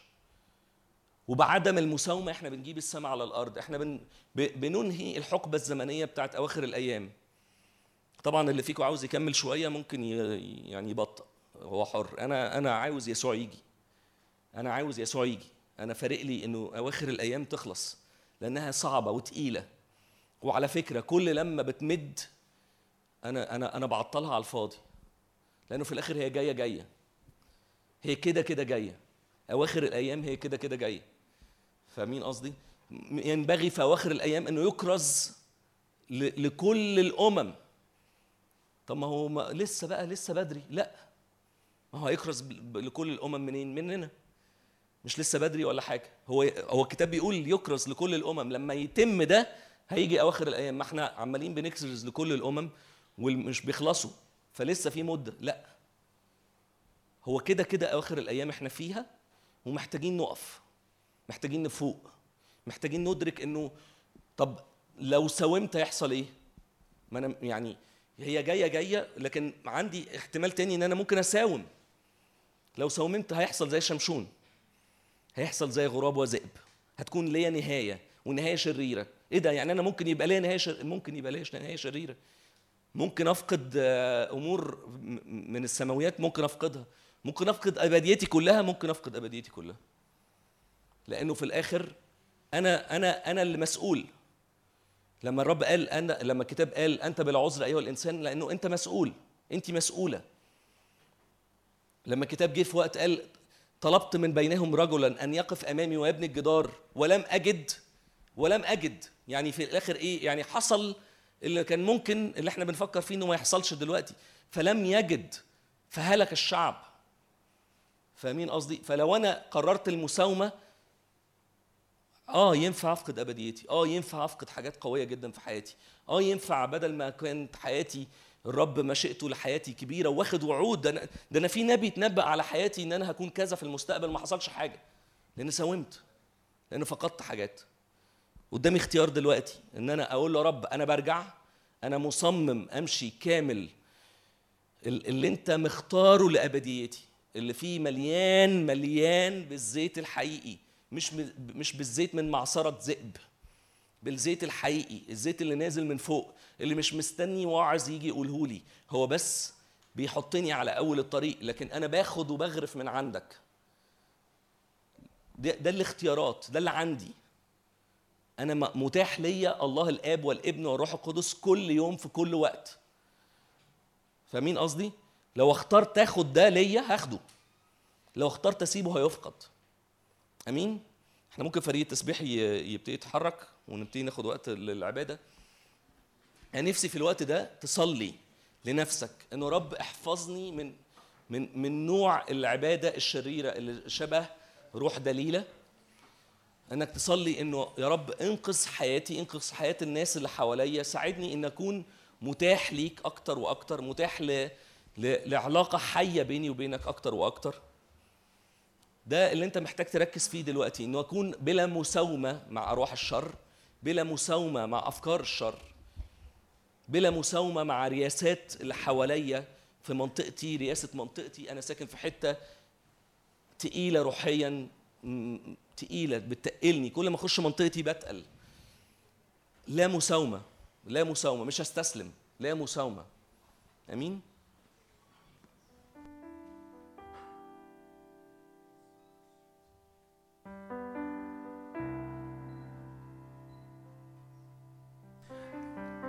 أنا فارق معايا قبل ما ناخد وقت نصلي و أقول حاجة بسيطة قوي إنه يمكن الحاجات اللي رامي كان بيحكي عليها هي مواجهات حقيقية قوي وفي الزمن ده وفي الزمن الجاي كمان آه، بتزيد.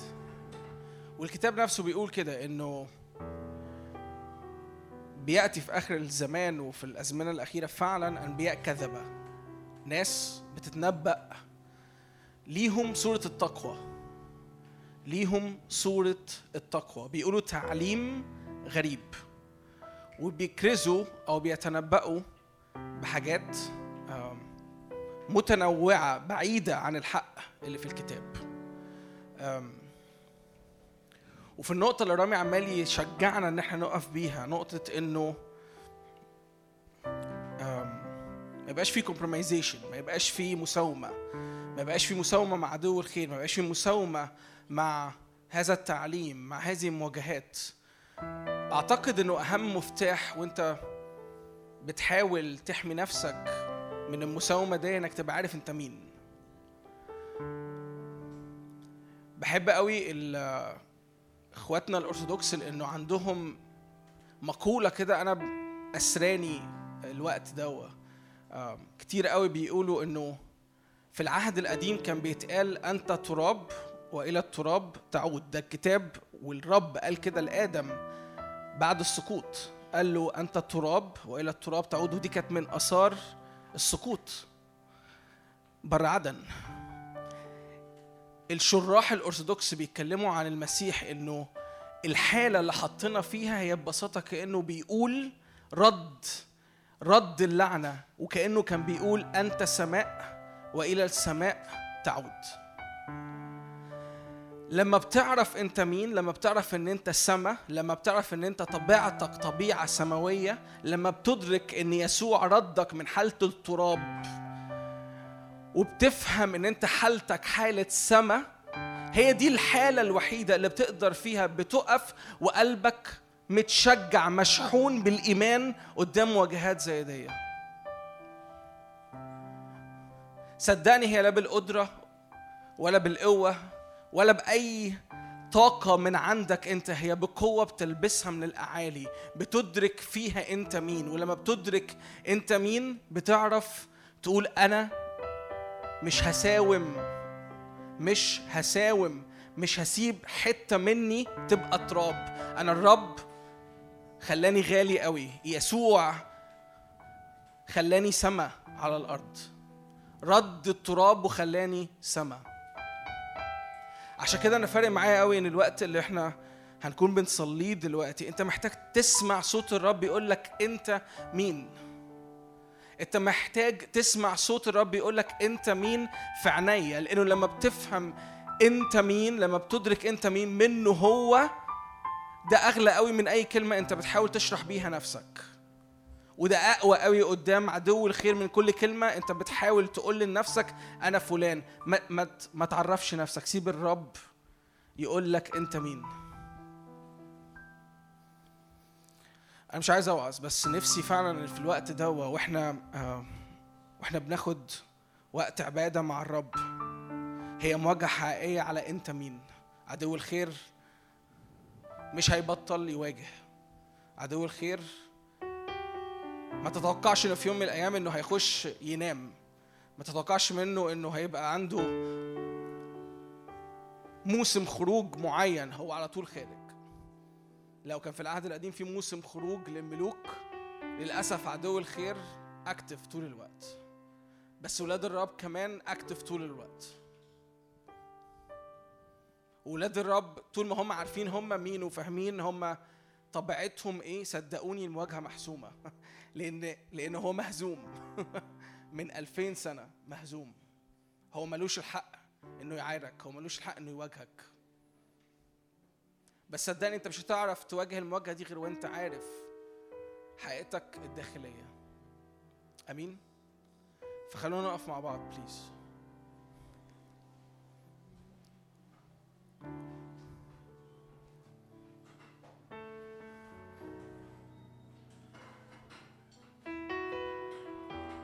استقبل من الرب استقبل من الرب كلمة استقبل من الرب هويتك استقبل من الرب كلمة. سيب الرب يحكي معاك سيب الرب هو اللي يطلق كلمات.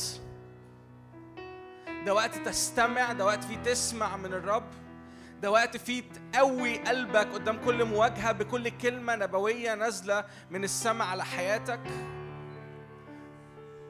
ده وقت تسلح نفسك ده وقت تقف كده وتبني كل جدار داخلي وتسيب الرب هو اللي يبنيه. تقول يا رب أنا في حالة بنى داخلية. اطلق كلماتك اطلق كلمات سهام سبعيات سهام على حياتي ضد عدو الخير وكل تعييرات إبليس. كل دليدة كل إيزابل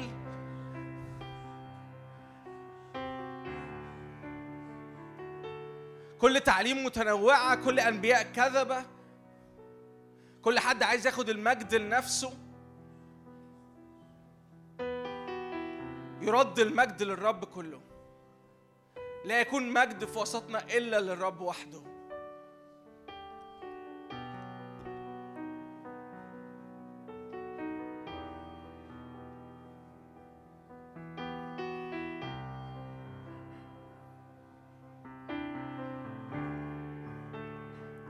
الرب غيران على حياتك الرب غيران على شكلك من جوه ومن بره.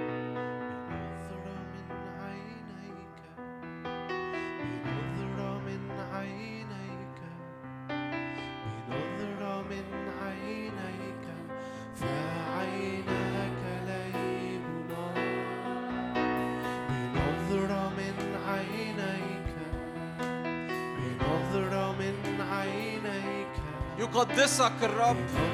من عينيك فعيناك يقدسك الرب ويحفظك نظرة من عينيك. لنفسه.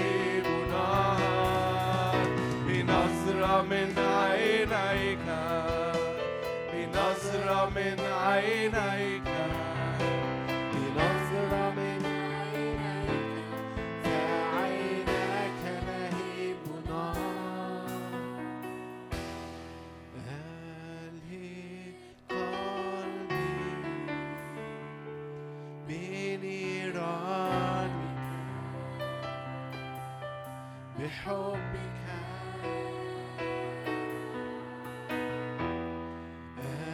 ألهب قلبي بنيرانك. بحبك.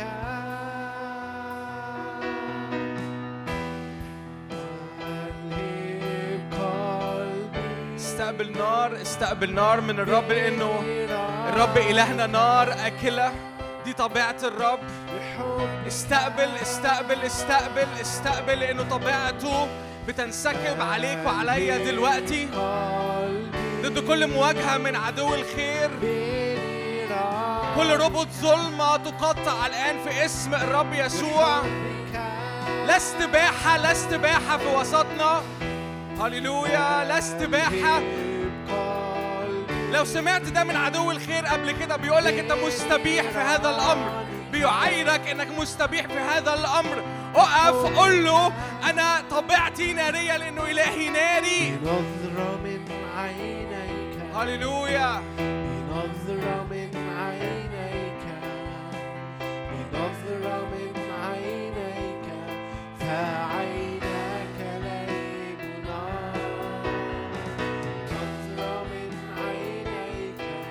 كل تعييرات إبليس أضعاف في وجهه في اسم الرب يسوع بنظرة من عينيك فعينك لهيب هللويا.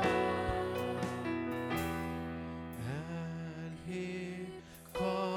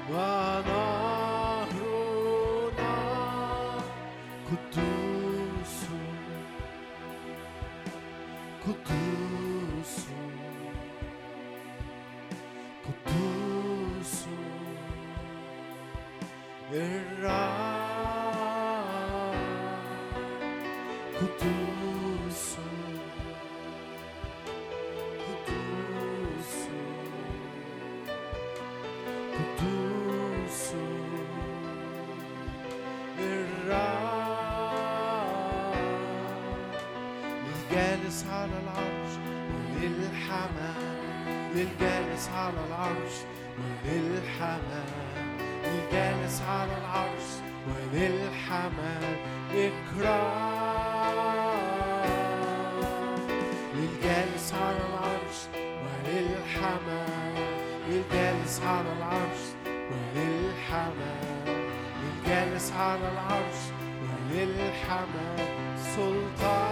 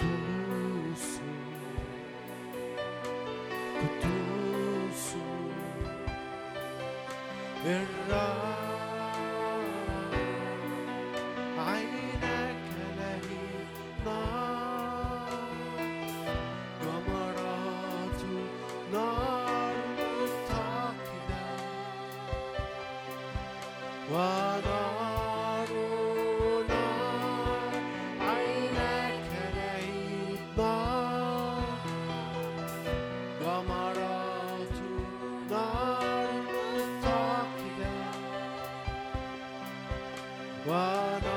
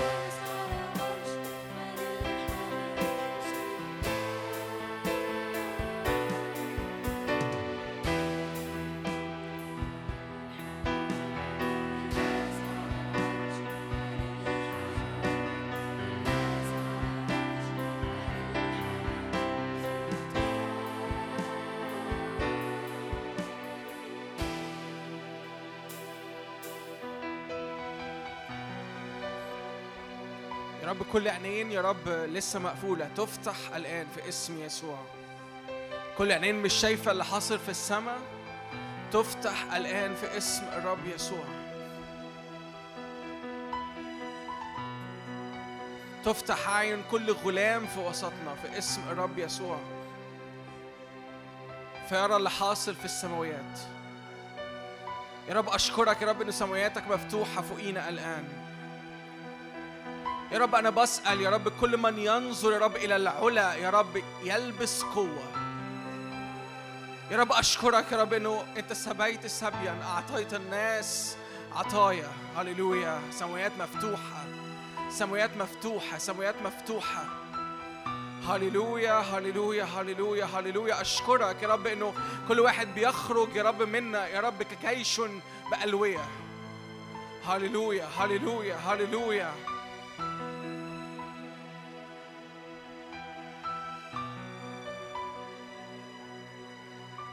اشكر كده الرب معايا لأنه في جيوش في السماء بتتحرك. مع كل مرة أنت بتتواصل مع اللي حاصل في السماء. اشكر الرب معايا لأنه في ملائكه في جيوش بتتحرك. مع كل مرة قلبك بيتحد بالسماء. اشكر الرب معايا دي بركة دي نعمة. أنت مش لوحدك. أنت سماء وإلى السماء تعود. أنت سماء.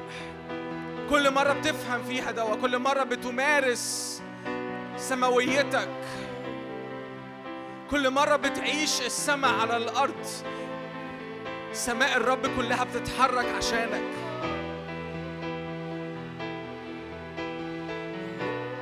استقبل استقبل استقبل طبيعة السماء. استقبل طبيعة السماء على هذه المواجهات. استقبل طبيعة السماء على هذه المواجهات. أنت قدس للرب. لا عرافة ولا عيافة في حياتك. لا عرافة ولا عيافة في حياتك. استغلى ده أو يقف صلى هذه صلي هذه الصلوات معايا. قول يا رب كده لا عرافة ولا عيافة في حياتي.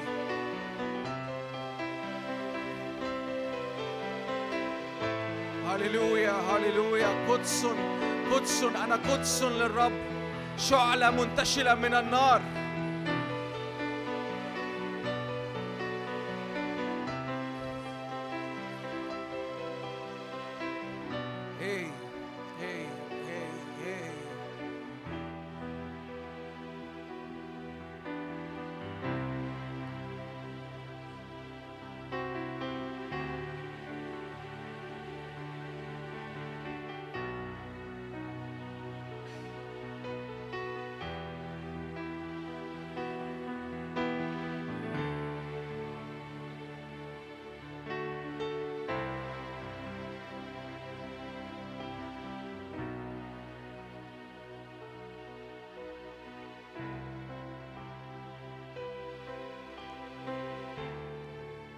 عايز أقول لك حاجة كمان إنه الأشباه والظلال بتخلي حياتك هي كمان أشباه وظلال. الناس اللي ليها صورة التقوى لما بتستقبلهم في حياتك وبتديهم مكان في حياتك هم كمان بيخلوا حياتك مزيفة. مش بيخلوك حقيقي ولا في وقفتك قدام الرب ولا في وقفتك قدام نفسك. التعليم الغريب اللي مش بيدي المجد للرب. هو بيطلع منك حاجة شبه حاجة. مش بيخليك واقف بطبيعتك الإلهية مش بيخليك واقف بالحاجة اللي ربنا خلقك عليها.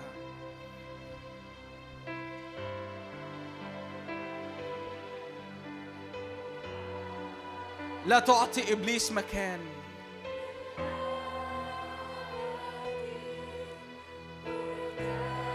في ناس جعانة قوي إن توقف قدام الرب بحقيقتها.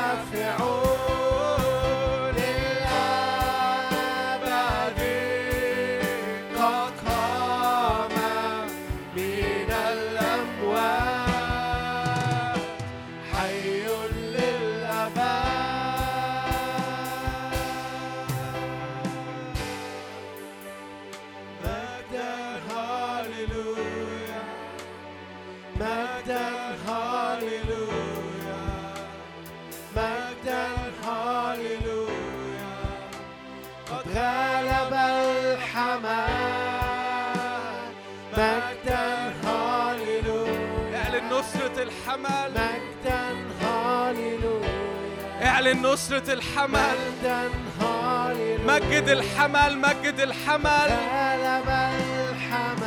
اعلن دم الخروف.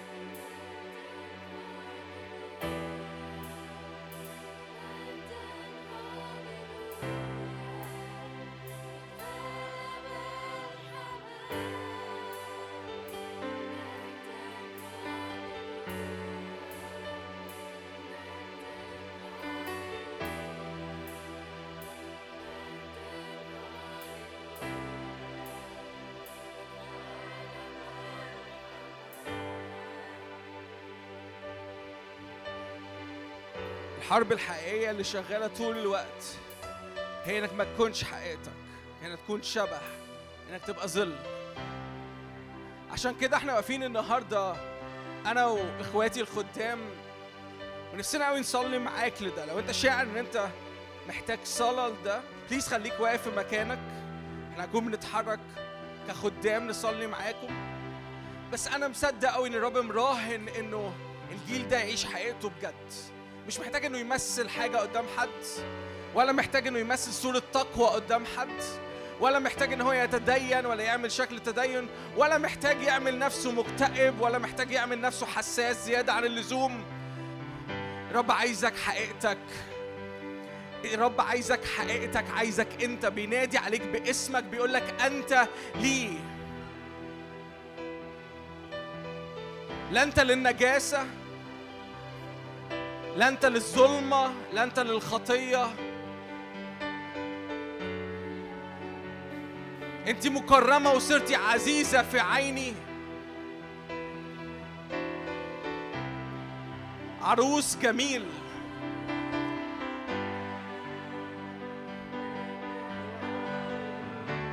عشان كده أنا هطلب منكم إنه لو أنت شاعر إن إحنا إن أنت محتاجنا نصلي معاك لده خليك واقف في مكانك. لو الرب بيتكلم معاك في أمور خاصة خليك قاعد ما تتكسفش. كمل استقبل من الرب في الوقت دوه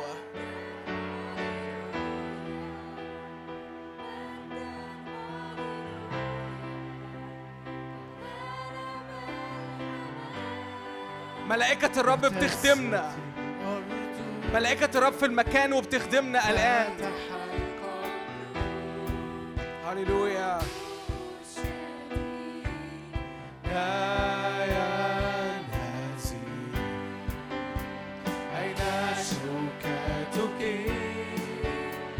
يا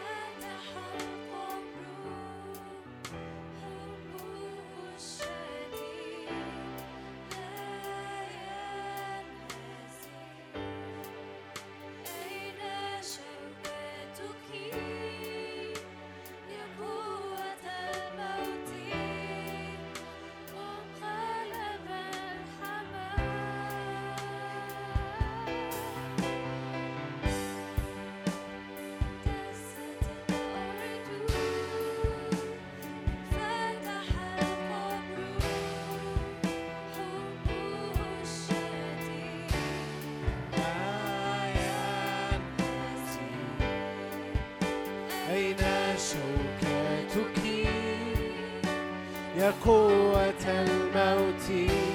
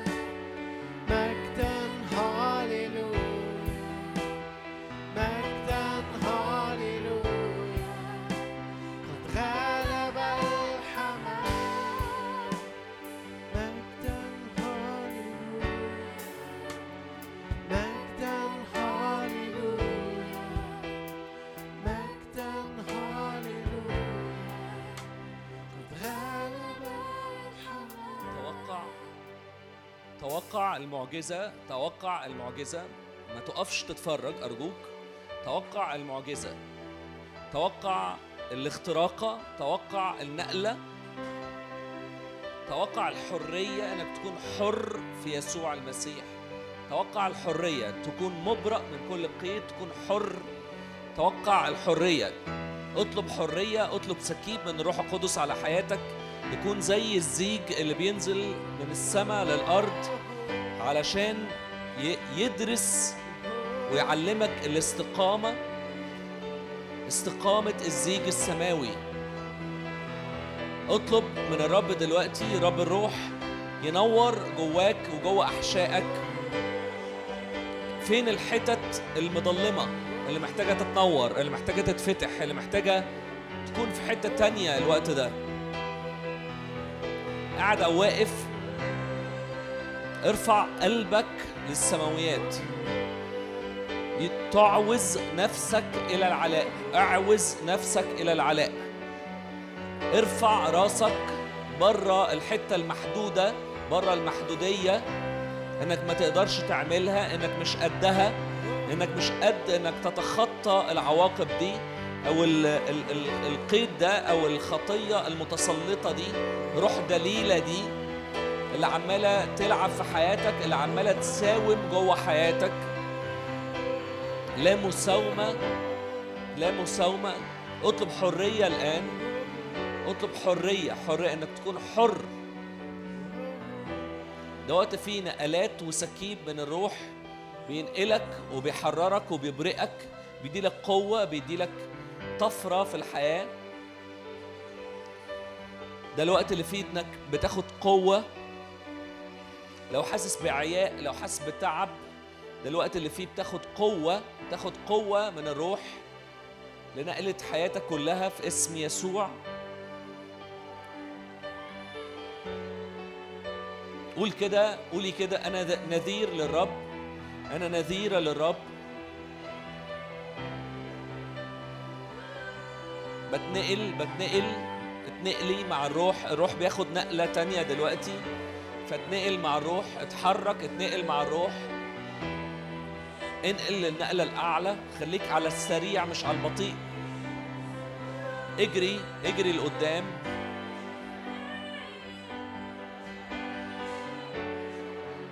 لو حاسس إنك تعبان شجع نفسك.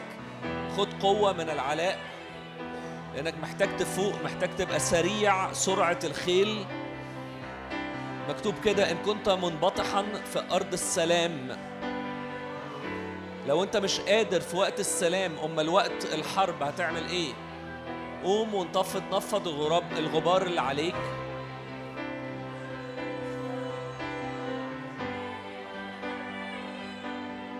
امسك واثبت في صخر الدهور مش أي صخرة تانية. كل خداع مريت بيه. قول له اتفضحت اتفضحت يا خداع. كل خدعة مريت بيها كل أكذوبة جت على حياتك امتحنها الآن وحطها قدام الرب الآن للامتحان. بالنار تمتحن بالنار.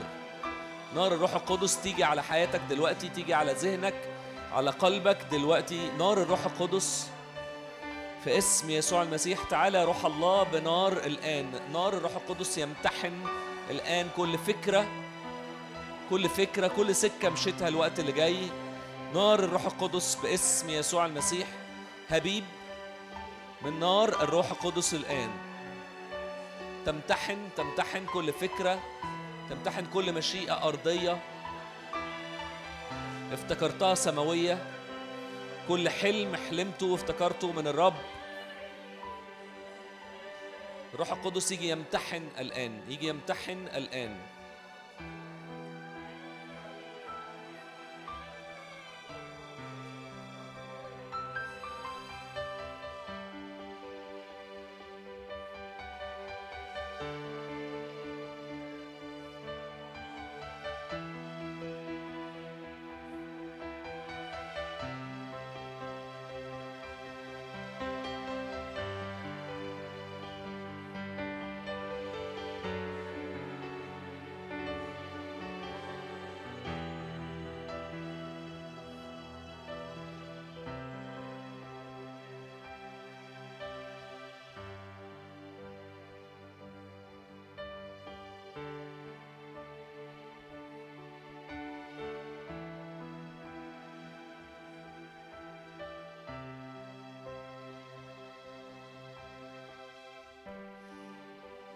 جوايا ناس آه، عندهم آه، مرارة كده من أمور مروا بيها شريرة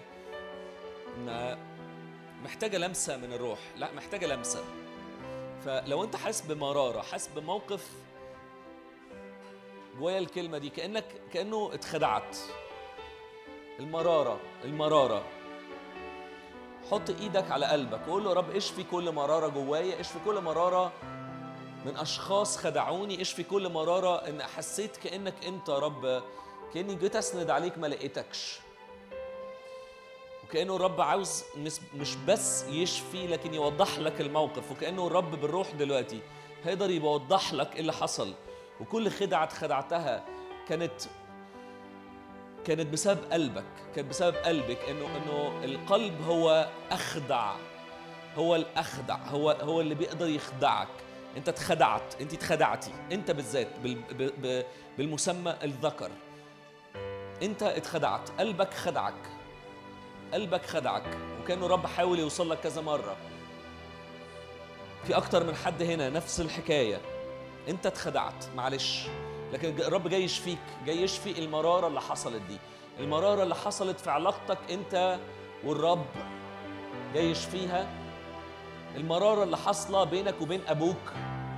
جاي يشفيها. جاي يشفي المرارة دي. جاي جاي يشاور. جاي يدوس على الحتة دي.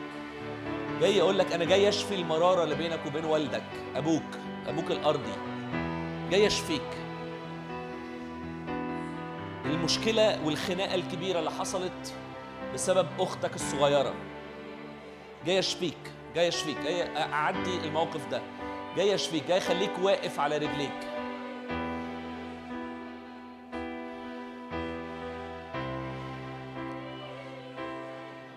لا مساومة لا مساومة. قول كده من فضلك. قاعد أو واقف في نهاية الوقت. صلي كده. لا مساومة. لا مساومة. لا تدع الساحرة. تعيش. لا مساومة مع روح دليلة.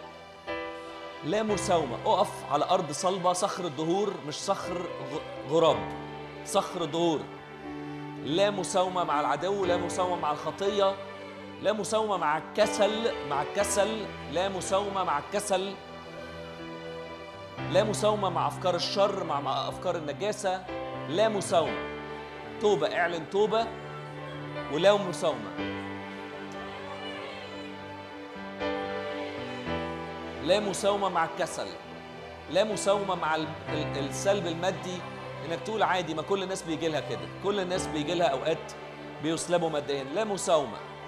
قول كده قول معايا. أنا بقول لنفسي ولحياتي كده. في اسم الرب يسوع المسيح لا مساومة مع أرواح السلب. لا مساومة. لا مساومة مع كل خداع. لا مساومة مع غراب وذئب. يقتلوا وتطرح رأسهم تقطع رأسهم. لا مساومة مع روح دليلة في اسم يسوع. في اسم يسوع.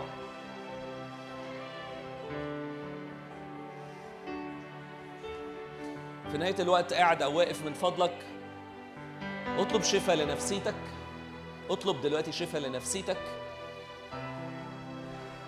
يا روح الله تعالى اشفي نفوسنا اشفي قلوبنا اشفي نفوسنا من كل خداع حطينا نفسنا فيه. بنتوب وبنعلن حرية حرية حرية. بعلن حرية هبيب بروحك في اسم يسوع المسيح بحرية حرية حرية حرية في العبادة. حرية في في الفكر حرية في الانطلاق حرية للرجلين المقيدة للإيدين المكبلة حرية في اسم يسوع المسيح. نادوا على الأبطال نادي على نفسك قول قوم قوم قولي لنفسك قومي. نادوا على الأبطال في اسم يسوع قولي لنفسك قومي. قاعدة هنا ملكة جالسة هنا قومي اقفي نفضي تراب هو ذا الكل قد صار جديدا من النهارده فصاعد هو ذا الكل قد صار جديدا.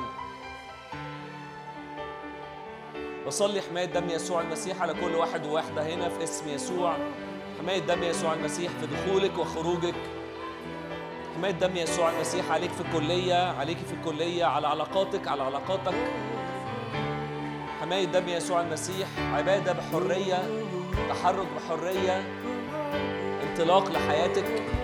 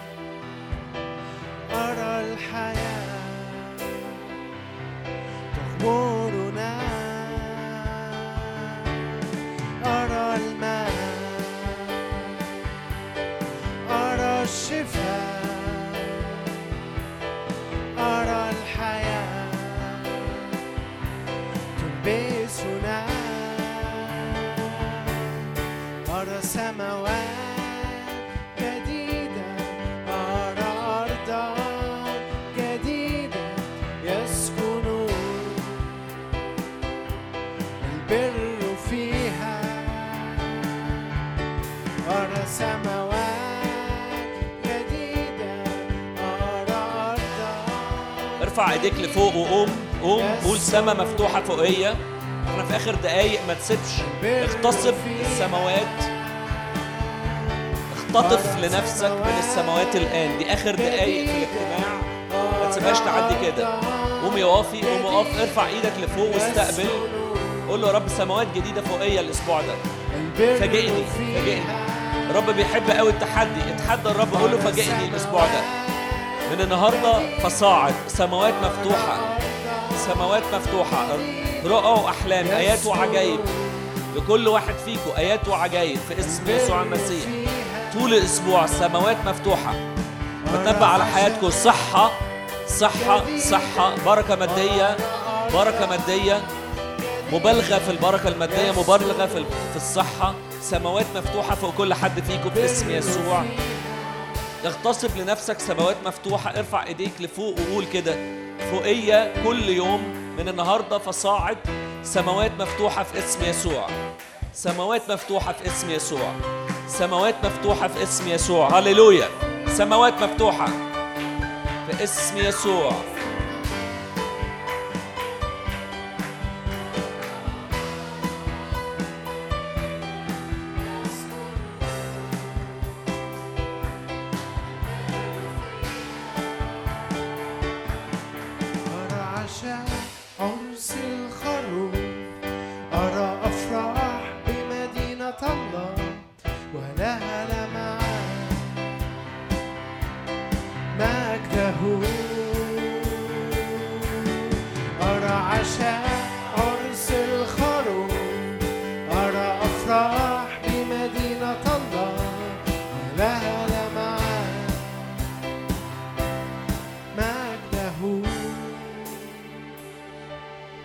الوقت حط إيدك على قلبك.